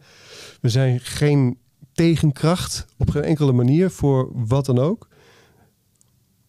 Dat is een, een keuze die je kunt maken. Dat is, dat is mijn rol. Ja. Dat is jouw rol. Ja. Vertellen wat we zien, Ja. Zonder de strijd aan te gaan. Ja, het is grappig dat, eh, want zelfs in dit gesprek merk ik eh, dat enerzijds ja, eh, we zijn de beschouwende rol, maar ik merk dat er in, binnen in mijn behuizing dat ik nog wel eens van links naar rechts kan springen met mijn emoties die zich er echt wel, echt wel kwaad over kunnen maken of toch echt wel eventjes iets willen meegeven aan de mensen die nu luisteren, weet je wel. Dus ik ehm, merk nog zelf wel dat ik. eh, ehm, mijn ziel is het wel aan het, laat ik het zo zeggen. Ik ben het wel aan het aangaan hier, die strijd tussen wat nu wel goed is of niet goed is. Of, en om daar inderdaad nog steeds observerend langs dat zwembad langs te zitten, zeg maar. Ja. dat wel een, eh, wel een uitdaging. Dat is het ook. hè. En zeker als je ziet wat er gebeurt. eh, ook in de Amazone, waar jij natuurlijk... eh, we hebben het gehad de vorige keer in- Mhm. toen ik jou interviewde over die stichting. Ja. Over het leed van de Indianen. Over de vernietiging daar. Ja, ga je straks aan eh, jij en je dochter en ik aan mijn zoons uitleggen dat... ehm, ja, we waren er. Het gebeurde. We hebben eigenlijk niks gedaan. Ja. We hebben gewoon... Ja, wat, heb- pap, wat heb je gedaan? Ja, Ja. ik wist niet wat ik moest doen. En dat dreigt natuurlijk wel een beetje heen te gaan met z'n allen. Hè? Mm. En dat is ook het, het lastige aan het hele verhaal, want je wordt ook zo op het verkeerde been gezet. Kijk, alles wat hier zit, wordt hier gespiegeld. En dus alles wat in die grote ontwaking zit, zit hier ook. Dus als in de grote ontwaking zit ehm, eh, beter met de aarde omgaan, stoppen met de ontbossing, het oplossen van vervuiling, ehm, het niet meer eten van dieren, Ehm, noem eens wat. Van dat soort eh, Nou ja, plastic, in- plastic in de oceaan, eh, in de lucht zelfs, plastic dingetjes. oplossen van armoede. grondstoffen die opraken. Ja, noem het maar op. eh, et cetera. Dat eh, zit allemaal hier. Dus, dus zorg voor een wereld in harmonie en een mensheid in harmonie. Eh, vrij van lijden, ook van mens en dier. Maar dat zit hier ook. Dus hier komen ze met klimaatdoelstellingen en met eh, ook minder vlees eten. Maar het wordt allemaal opgelegd. Dus het is een, het is een spiegel. En dat maakt het zo complex. Want dan hoor je, ja, dan hoor je hier zeggen: eh, klimaat, pas op, de wereld gaat kapot. We moeten, het- we moeten dit, we moeten dat. En hier hoor je sommige mensen zeggen: ja, maar er is helemaal geen klimaat-issue. Er is Hmm. een ecosysteem-issue. Eh, het klimaat wordt door veel grotere krachten beïnvloed. Het gaat om het ecosysteem. Ze zeggen allebei hetzelfde, want zij zeggen je moet stoppen met vervuilen. En zij zeggen we moeten stoppen met, eh, hier zeggen we moet stoppen met vervuilen. Het gaat allebei om hetzelfde. Maar het ontstaan van die conflicten, waardoor uiteindelijk mensen tot stilstand komen. Oké, nou, eh, daar wordt gezegd, we moeten klimaatdoelen behalen. Daar wordt gezegd dat die klimaatdoelen er zijn om ons te onderdrukken. Dan doe ik maar niks mm, zit ik in elk geval goed. En dat is, dat is het, het. Dus die, zelfs die klimaatdoelstellingen kun je vanuit een angstperspectief benaderen. En dan kom je in die, die, die, die top-down controle. Of vanuit een liefdesperspectief. Ja. Natuurlijk moeten we aan de slag. Natuurlijk moet ieder mens zijn eigen verantwoordelijkheid nemen. Qua uitstoot, qua footprint, qua afval, qua alles wat je doet. Natuurlijk. Ja. Is toch logisch? Ja, maar dat hoef ik niet te doen, want het klimaat wordt niet door mensen beïnvloed. Yo, rot op. Dan noem het dan ecosysteem. Dat wordt wel degelijk door mensen beïnvloed. Ja. hè? Ja, het is interessant dat dit, dit stukje dan ook weer ehm, werd ook benoemd in die, eh, die financiële series die Manon Vos had gemaakt met Willem Middelkoop. Die ehm, beschrijft, die heeft al een keertje een boek geschreven, de niet de Great Reset, de Big Reset heette dat. Ja, ja Maar de dat ging over, Reset. het ging over, de, over dit. het ging Ja. over de bankencrisis en Ja. dingen. Die er aan gaan komen en die er nu dus, nou, staan op, op de springplank om dat te gaan meemaken. En hij zegt ook dat eh, het klimaatgebeuren wordt nu gebruikt als een soort van nieuwe, hier gaan we economie mee creëren. ook. Ja. Ja, Dus zeker. ergens is het zeker, klimaat is zeker een probleem. Ehm, maar ja, er wordt ook zeker door de banken nu, wordt het echt wel gebruikt als een agendapunt van dit is nu het ding waar we mensen mee kunnen laten betalen of kunnen de economie draaiende kunnen houden. Dat, dat zie je met al, het wordt gekaapt. Ja. Ja, Stel dat de coronapandemie, laten we eens even vanuit gaan dat er echt een pandemie is. Dus dat er echt een virus is wat de wereld over is gegaan. Dan is het antwoord daarop is uit laten razen. Net zolang dat iedereen het heeft gehad, dan heb je groepsimmuniteit, dan ben je het kwijt. Ja. Toch? ja, en inzet op gezondheid. En zit op gezondheid en die, die, die, die, die rare angst voor dood en ziekte loslaten. En Want oh, hoe kost mensenlevens? Ja, er zijn 7 miljard mensen. Er gaan elke dag Ja. 200.000 mensen dood. Elke dag. Het is een illusie. De druk op de zorg is ook illusie. Dan moet je, moet je op een andere manier met je zorgsysteem omgaan. Moet je opschalen, moet je, Ja. moet je andere dingen doen. Maar Dus Laten we eens even druk, die, vanuit die druk die is er wel, maar in een ander perspectief. ja, omdat er te weinig personeel er zijn. Ja. Geen, ik heb de afgelopen anderhalf jaar geen wervingscampagnes gezien voor personeel. Ik heb ook niet gezien dat er, die- dat er miljarden in eh, opschaling gesto- gestopt wordt. Nee. Maar dat is een, dan wordt het een politieke discussie. Daar moeten we eigenlijk een beetje uitblijven, wat mij betreft. Ehm, maar wat ik, wat ik, die, laten zeggen, er is een virus. Dat virus is, is, had, had gewoon kunnen uitrazen. Ja, hadden we een hoop doden gehad. Eh, dat zie je in landen waar, waar het eh, eh, mis is gegaan, zoals India. Dan zeg je, ja, 600.000 doden in India. Op een miljard mensen. Of, of India iets meer. 600.000 doden in Brazilië. Op 200 miljoen, of 200, eh, meer dan 200 miljoen mensen. Nou, Amerika hetzelfde. Dus het zijn kleine aantallen. Maar ja, dan zijn nominaal gezien natuurlijk wel grote aantallen mensen. Maar we hadden gezegd, dat is wat het is. Het is een ziekte en die is er niet voor niks. Moeder aarde stuurt zo'n ziekte. Dat geloven de natives ook. Hè. Dit is gewoon door moeder aarde gestuurd. Om een natuurlijke beweging te maken. Ook om ons dus binnen te houden. Om ons, we zijn allemaal minder gaan rijden. We zijn allemaal minder gaan vliegen. Het was voor de natuur was fantastisch wat er Ja. gebeurde. En die knapt ook heel snel op. Die knapte heel snel op. Was super, super hoopvol. En wat is ermee gebeurd met die natuurlijke beweging eh, van moeder aarde? Dat virus, er is het is gekaapt om een controlemechanisme mee uit te rollen. Het is gekaapt om maatregelen. En die maatregelen zijn daar het. En, en, en die vaccins, en dat zijn daar de, voor, de voorbodes van. En zo is het ook met klimaat. Ja, we hebben een probleem. We hebben een ecosysteemprobleem. We, we, we, we hebben een vervuilingsprobleem, luchtvervuiling, eh, eh, ontbossing, nou, noem het allemaal maar op. Alleen dat, dat probleem wordt gekaapt om eh, in datzelfde controlemechanisme mee te gaan. En dat maakt dit ook zo verschrikkelijk complex. Want op het moment dat ik, ik heb toen die documentaire gemaakt, de zeven delen, en dat boek Stoppen met Vlees. Daar heb ik in die tijd wist ik, wist ik veel minder hierover dan nu. Dat is, eh, dat is jaren geleden. En daar heb ik VN-doelstellingen bij gebruikt in dat boek. Die ik nu niet meer zou gebruiken. Ja. Maar het feit dat we met z'n allen mogen. Er wordt nog, nog steeds 6,2 miljard dieren gehouden en geslacht. Ik, ik kom vandaag vanuit Duitsland hier naartoe. Ik rij weer langs die, die vrachtwagens met die varkens erin. Daar mogen ze nog open zijn. We doen het nog steeds. Ja. 6,2 miljard dieren per jaar wereldwijd geslacht. Al die stress, al die angst. Denk je dat al die angst en al die stress en al dat moorden bijdraagt aan het christensbewustzijn en de nieuwe aarde? Ik denk het niet. Ik denk dat het alleen maar de oude aarde en, en de macht en de angst sterker maakt. Hmm. Dus we moeten daarvan af. Maar nu zeggen ze vanaf daar ook, ja, we moeten minder vlees eten, want het is eh, vervuild en methaan en, en, eh, en Ja. de aarde. Dus alles wat wij hier aan doelen hebben, is, hebben ze hier ook. Alleen hier hebben ze het gekaapt en gebruiken ze het om ons te onderdrukken. En dat is de complexiteit van deze hele situatie. Ja, ja. Lastig man, om maar eh, hoe meer je komt te weten, hoe, hoe ingewikkelder het spectrum, eh, het spectrum wordt. En hoe leuker. Ja, en hoe leuker. Ja. Het is ongekend interessant. Ik vind het ongekend interessant. De, de, deze tijd is toch. Moet je kijken wat we allemaal meemaken nu. Dit, het is aan het gebeuren. Ik weet nog toen, toen, toen we dit allemaal echt begonnen te zi- zien. Een oudere eh eh, spiritueel lerares van mij. Die zei... eh, oh, Robert, ik ga het nog meemaken. Mm. Ik ga het nog meemaken. Mm. Ze had altijd gedacht, dat, nou, dat is pas ver na mijn dood. Mm. Ik ga het nog meemaken. En ik, ik, denk dat, dat, ik denk dat er gewoon een kans is. Dat het gaat steeds sneller allemaal. En het bewustzijn is steeds sneller aan het, uh, aan het uh, de frequenties zijn steeds sneller aan het stijgen. En er zijn steeds meer mensen bewust en mee bezig. En als je ziet wat er wereldwijd ontwikkeld wordt door, uh, als je ziet de, de frequentietechnologie, die bijvoorbeeld door mensen als HeartMath, het HeartMath Institute in Californië, maar ook door mensen, door, door, door de triluik uh, Joe Dispenza, Bruce Lipton en uh, Greg Braden. Maar ook onze eigen Janosch, die ontwikkelt frequentietechnologie. Dat is, waanzinnig. Hmm. En er komt alleen maar meer van aan. En, en de nulpunttechnologie die er nu uh, is, de tachyon-energie die er nu is. Het gaat zo snel. Ik denk dat er een kans is, weer dat jij en ik het nog mee gaan maken. Ja. En ik denk in elk geval dat onze kinderen het gaan meemaken. Ja. De nieuwe aarde. Nou, dat, dat, dat ja, dat hoop ik.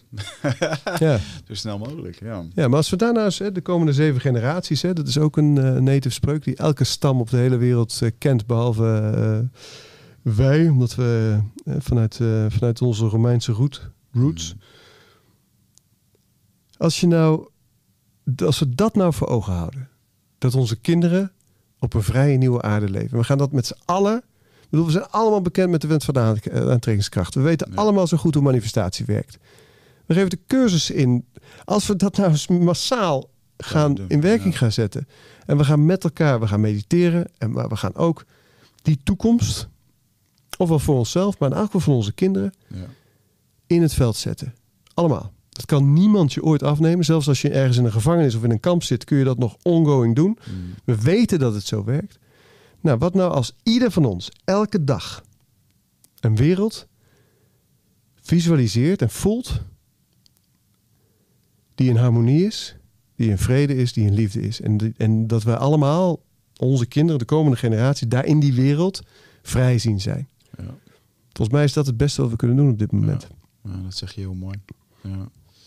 Je hebt het in jouw boek ook over eh, eh, het karakter Simon, die natuurlijk eh, ja, volledig gevangen zit in, het, eh, in de gekkigheid van de huidige maatschappij. Of van de toekomstige maatschappij. En op een gegeven moment speelt een grote rol een stuk zelfheling, trauma Ja. oplossen en dat soort essentieel. Ehm, is natuurlijk ook een essentieel iets. Wat zijn, ben ik eigenlijk benieuwd in de, in de saga van de afgelopen twee jaar. Wat zijn dingen die je bij jezelf eh, bent tegengekomen en hebt kunnen oplossen hiermee?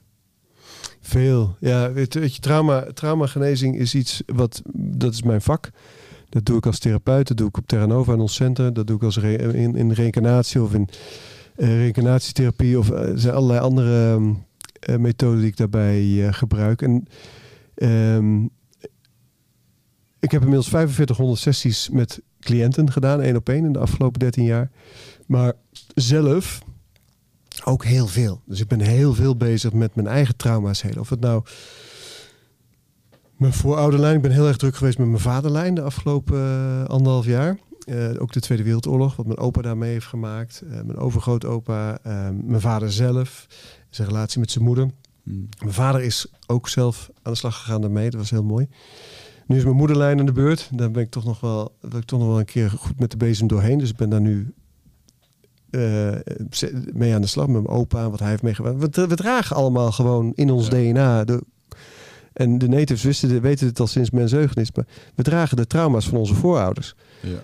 Dus als je, stel dat je niet in vorige levens gelooft en, je, en de trauma's die je meeneemt vanuit vorige levens om te heden dit leven, dan weet je in elk geval dat je in je DNA de trauma's van je voorouders hebt. Ja. En, en dat, het, dat, dat, dat, is, dat het ook logisch is.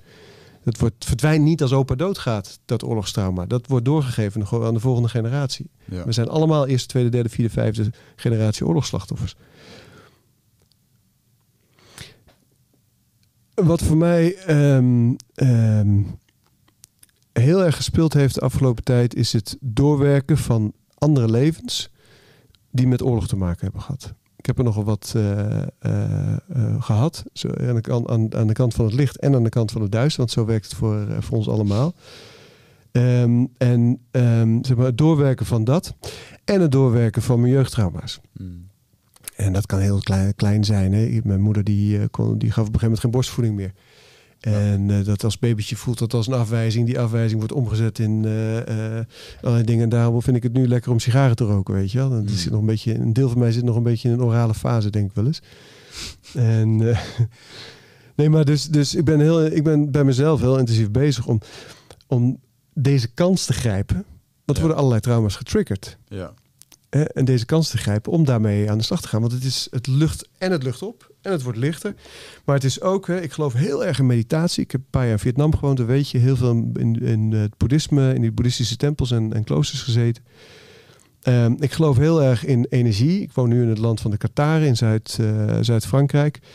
Ehm, eh, dus beide trillingverhogingen, ook yoga, ook voeding, ook positief eh, denken tot op zekere hoogte. Ehm, het verhogen van je trilling door beoefening, daar geloof ik heel erg in. Maar ik geloof nog veel meer in het verhogen van je trilling door je lage trilling te transformeren. Mm. Want al die trauma's, al die angst, al die boosheid, al die verdriet, al die kwaadheid, al, dat, al, dat, al die woede, al die pijn, al die trauma, al die, al die shit die je in je onderbuik meedraagt, Mhm. die haalt je omlaag. Die houdt je trilling laag. Ja. En juist in deze tijd is het zo belangrijk dat we onze trilling verhogen. Ja. En dat kun je doen door, eh, door beoefening. Hè. En Dat kun je zelfs doen door ascetisch te leven. Ik vind het allemaal prima. Dat doe ik zelf niet meer. Ik heb dat wel een tijd gedaan. Hè. Dus helemaal als een soort geheel handhouden door het leven gaan. Nou, nu een beetje tegenovergestelde ervan eh, soms. Ik geloof daar niet meer zo in. Mm. Ik geloof wel in beoefening. Dagelijkse meditatie en yoga. Dat doen we Terranova met het team elke ochtend. Ik geloof in ayahuasca. Ik geloof in hè, dus pla- plantmedicijnen, eh, psychedelica. Ik geloof in al die trillingsverhogers. Ik geloof in de activaties van Janosch, die ik echt waanzinnig vind. Maar ik geloof dat als we dat allemaal doen, zonder dat we die traumagenezing doen, dan zijn we die, die ballon, zeg maar, waarmee we willen opstijgen, wel heel heet aan het stoken, hè, die hete Ja. luchtballon. Maar we laten de zandzakken hangen. Ja. Terwijl als je die trauma's in jezelf heelt, hoe groot of klein ze ook zijn, dan kun je het zandzakken kun je allemaal loslaten. Ja. En dan kun je met je beoefening echt omhoog. Ja, ja, ja. En echt naar een nieuw bewustzijn. Ja, interessant. En ehm, als je dan nu kijkt, want dat zijn we eigenlijk helemaal overgeslagen, maar de vorige keer toen jij was, toen had je nog geen landgoed in Frankrijk. Dat heb je nu wel. Oh ja, ja, dat had ik nog niet. Ja. Even tussendoor. maar je hebt daar een fantastisch landgoed ehm eh, weten te, te bemachtigen. Wat een, eh, het is een, ret- een retreat, fulltime retreat eh, plek. Hè? Ja. Ja. Wat, eh, wat zijn de laatste ontwikkelingen? Nou ja, wat we, we hebben daar een centrum voor waar we zo'n groepen van 25 mensen kunnen ontvangen. Zo'n eh, eh, met 7 hectare land. Een, een, eh, een groep mensen die daar werkt en woont. En we doen daar transformatieretreats. Ik heb me, een van mijn belangrijkste missies in dit leven is zoveel mogelijk mensen helpen om hun trauma's en angsten en, en blokkades en alles wat laag trilt te transformeren. Ehm, en eh, dat doen we, ik noem het ook wel eens de transformatiefabriek, want we hebben aan de lopende band retreats. Het zit ook altijd vol wachtlijsten. Eh, mensen willen dat graag doen. Eh, want het is gewoon, het is midden in Qatar gebied. Het is een, een heel een hoge trillingsplek. hè. het, het ligt hoog ook. Vlak onder de Pyreneeën. En eh, ik weet, de, meest recente ontwikkeling, ik zit nu natuurlijk in Nederland, ben even niet hier, ben in mijn gezin hier, eh, we hadden wat vakantie en eh, we hadden hier wat afspraken zoals met jou. En toen kreeg ik een bericht van Thijs Lindhout en Thijs die zegt, joh Robert, ik was in de buurt en ik ben nu in je centrum, ben je er? Ik zei, hey, ik zit in Nederland, Hey, oh jee. eh. En ehm, hij appte terug, nou ik ben even geweest.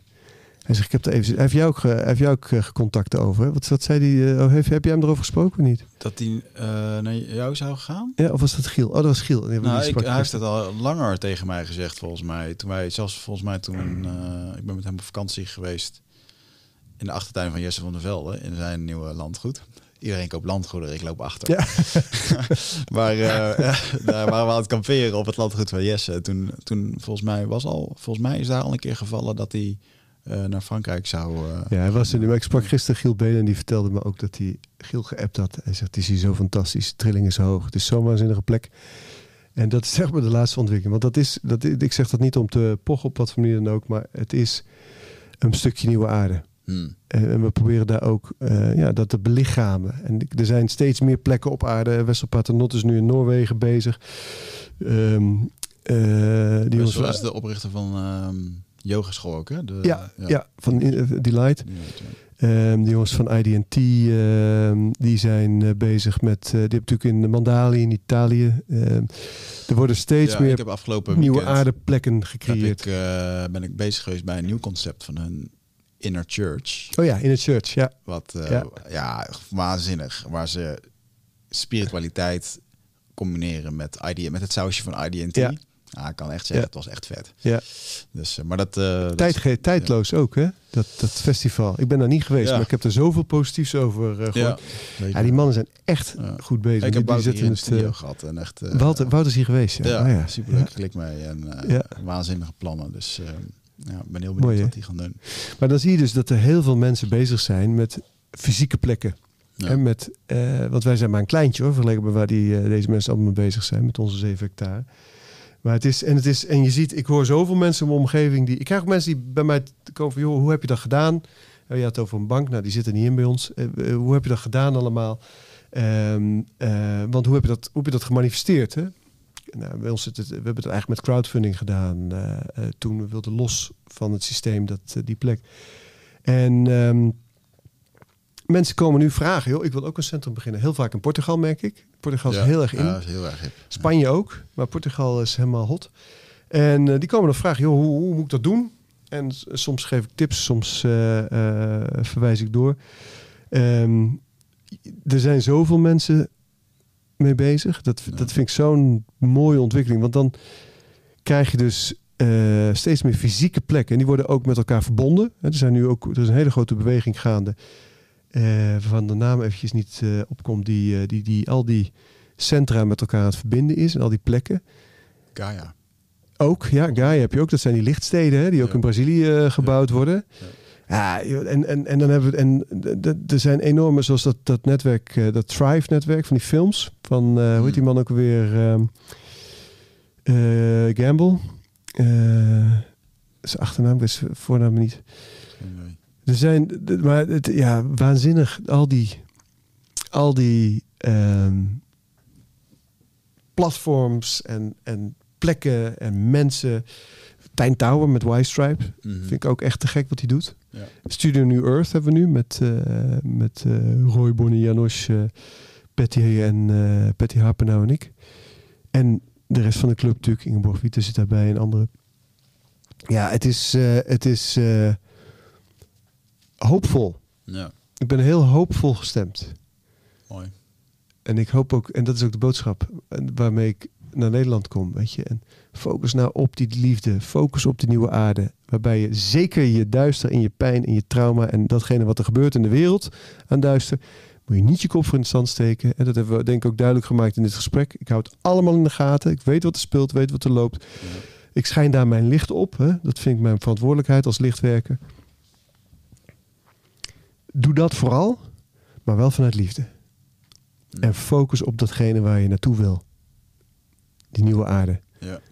En als we dat met genoeg mensen doen, nou dan, het, dan kunnen Lea en eh, mijn jongens eh, daar eh, in het veld ronddartelen. Ja, dan komt het goed. Ja. Welke tips zou je willen geven aan de mensen die, ehm, die hier nu middenin zitten en die het moeilijk vinden? Moeilijk vinden om te zien wat er gebeurt. Moeilijk vinden om hun eigen plek daarin te vinden. En, en die dus eigenlijk, wat je mooi eerder vertelde, die twee krachten, die voelen ze ergens alle twee. Ja. Je wil verbinden met je vrienden, je Ja. wil je dingen kunnen doen en van bovenaf wordt er van allerlei opge, opgelegd. Eh, en, je, en je zit daar een soort van, daardoor weet je eigenlijk niet wat te doen en sta je, ja, bevries je. Ja. Wat is de tip voor die mensen? Ehm, het een, blijf heel dicht bij jezelf en jouw hart. Als jij voelt dat jij iets wil doen als het gaat om eh, dierenconsumptie, natuur, ecosysteem, eh, noem het klimaat, dan ga je dat gewoon doen. En dan laat je je niet tegenhouden door dat het misschien wel rechts is of links is of, of, of eh, boven of onder om dat wel of niet te doen. Twee is verbinden. Verbinden. En dus één is ook je eigen beoefening natuurlijk. Hè? Dus je, je hart openen, je meditatie, je, je traumaheling. Je, de, het, gewoon echt in jezelf komen, je trilling verhogen. En twee is eh, verbinden. Er zijn zoveel collectieven nu gaan. En het- is ook de, de future is decentralized. Hè? Die, eh, die eh, directeur van eh, Ethereum die, die zei dat. Hè? Die, die, die blockchain, daar hebben we het nog helemaal niet over gehad. Maar ik vind dat, even los van waar bitcoin dan wel of niet vandaan komt. Hè? Als je kijkt naar al die al- alt-bewegingen. Dat gaat helemaal niet om. Crypto is daar een klein onderdeeltje van. Eh, Crypto hebben we even genoemd. Ja, gewoon geld naar geld versturen. Het geld van punt A naar B versturen. Zonder dat er een partij tussen ja, maar zit. Dat is echt een, dat is 0,1% van het hele blockchain verhaal. Precies. Het gaat om, om jurisprudentie. Het gaat om eh, makelaars zijn straks niet meer nodig. Notarissen zijn Ja, niet meer nodig. Advocaten zijn niet meer nodig. Banken zijn niet meer nodig.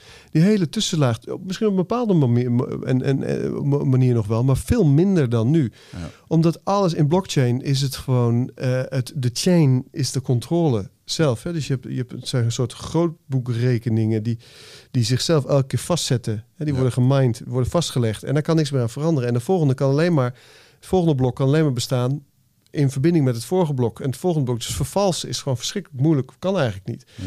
En eh, dat betekent dat je geen partijen meer nodig hebt.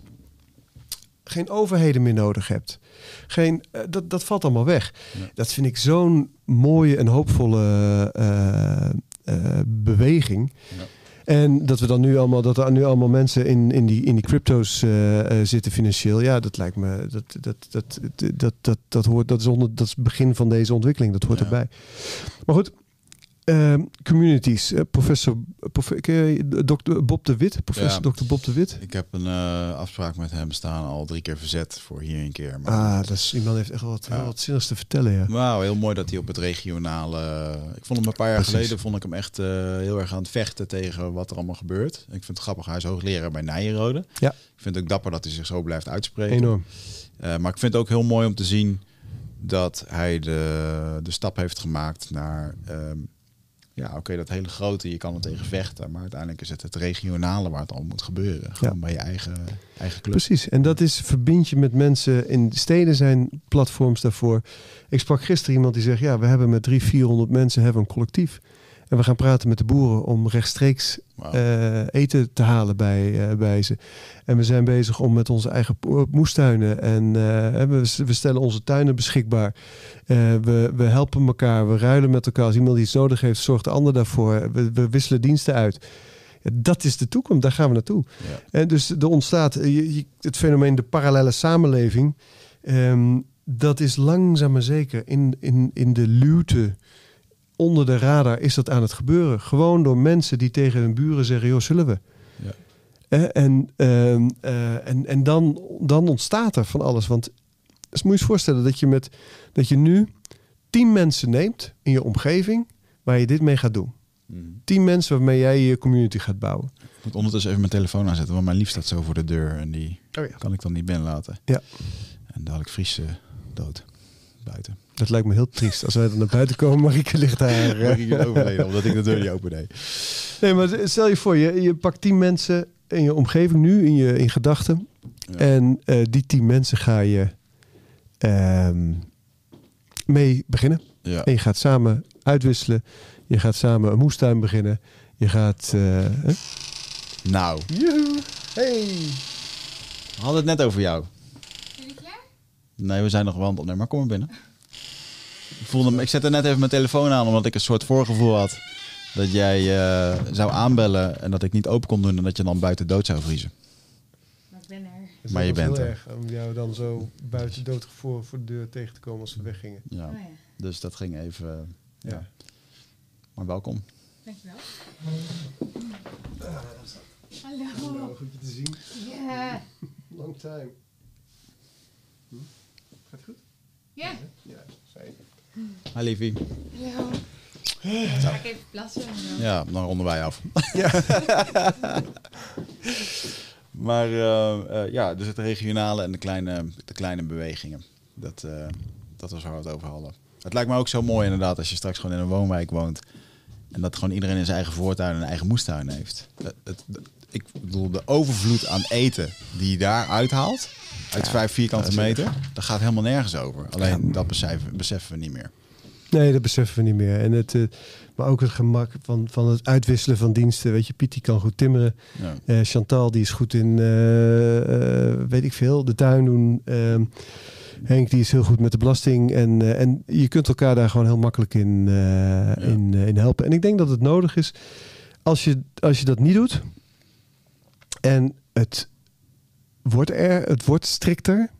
dan ben je misschien wel te laat. Hmm. Eh, Als je nu die verbindingen legt, nu die communities aanlegt, nu met elkaar alvast eh, gaat praten over, over wat betekent dat dan en wat, hoe kunnen we ons voorbereiden, wat kunnen we allemaal samen, hoe kunnen we sterk zijn, zonder de strijd aan te gaan met het systeem. Als je de strijd aangaat vanuit angst of pijn of woede, dan voed je het alleen maar. Ik wil het heel Ja. duidelijk gezegd hebben. Je maakt het echt alleen maar sterker. Ja. Maar vanuit liefde je eigen wereld creëren, daar kan niemand iets tegen doen. Ja, dat, dat- natuurlijk, gaan, natuurlijk wordt dat geprobeerd. Ja. Maar uiteindelijk, als jij uit vrije wil besluit om vanuit liefde je eigen wereld op aarde te creëren, dan, ehm, eh, dan heb je die, dan heb je die, dat recht heb je gewoon. Ja, dat is echt wat het systeem ook wil. Hè? Dat je boos wordt, dat je er mee gaat, dat je het voedt. Ja, ja. Of, of heel bang. En, en uiteindelijk is het inderdaad alleen maar eh, gewoon je, je shit regelen en maken wat, wat beter is en wat mooier is. En, Ja. en hoe moeilijk het ook allemaal gaat worden, want ja, we zitten allemaal in hetzelfde schuitje. Maar goed. Hoopvol gesprek. Ik eh, ja, ben blij met de boodschap die je kwam brengen. Dus eh dankjewel daarvoor. Ik wens je heel veel succes. Dankjewel. Zijn er nog dingen die er gaan aankomen waar mensen op aan kunnen haken? Heb je dingen gepland, eh, events of dingen? Of, eh, waar Ja, de, de planning voor 2022 komt eraan op, eh voor Terranova Center. Die komt binnenkort on- online. En we hebben heel veel co-producties volgend jaar. Dus Janos komt een aantal keer. Patty Harper nou. Roy Martina komt masterclasses geven. Bonnie Bessem, Juno Burger. Eh, ik ben met Tijn in gesprek. En ehm, eh, ja, er gaat gewoon heel veel moois eh, gebeuren. Ehm, en ehm, we, wat misschien ook wel leuk is om te zeggen, is een, eh, een achtdelige podcast ga ik maken over trauma. Hmm, Samen met, met onze collega en vriend Giel. leuk. Omdat ik vind dat trauma, het is natuurlijk, het, het wordt steeds, het wordt steeds geaccepteerder, dat, dat, dat thema. Maar ik denk in Nederland is er nog te weinig aandacht voor. En ook voor de spirituele aanvliegroute op, Ja. eh, op trauma. leuk. Dat zijn belangrijke, eh, voor ons ook van nu, ehm, eh, ja, belangrijke ehm, ontwikkelingen. Mooi. Dankjewel. Dankjewel voor je komst. Graag gedaan. Luisteraars, tot de volgende keer. En ehm, deel en like deze podcast waar je hem ook ziet. Eh, daar help je ons natuurlijk onwijs mee. En, horen, en dan zie en horen jullie ons weer bij de volgende. Dankjewel.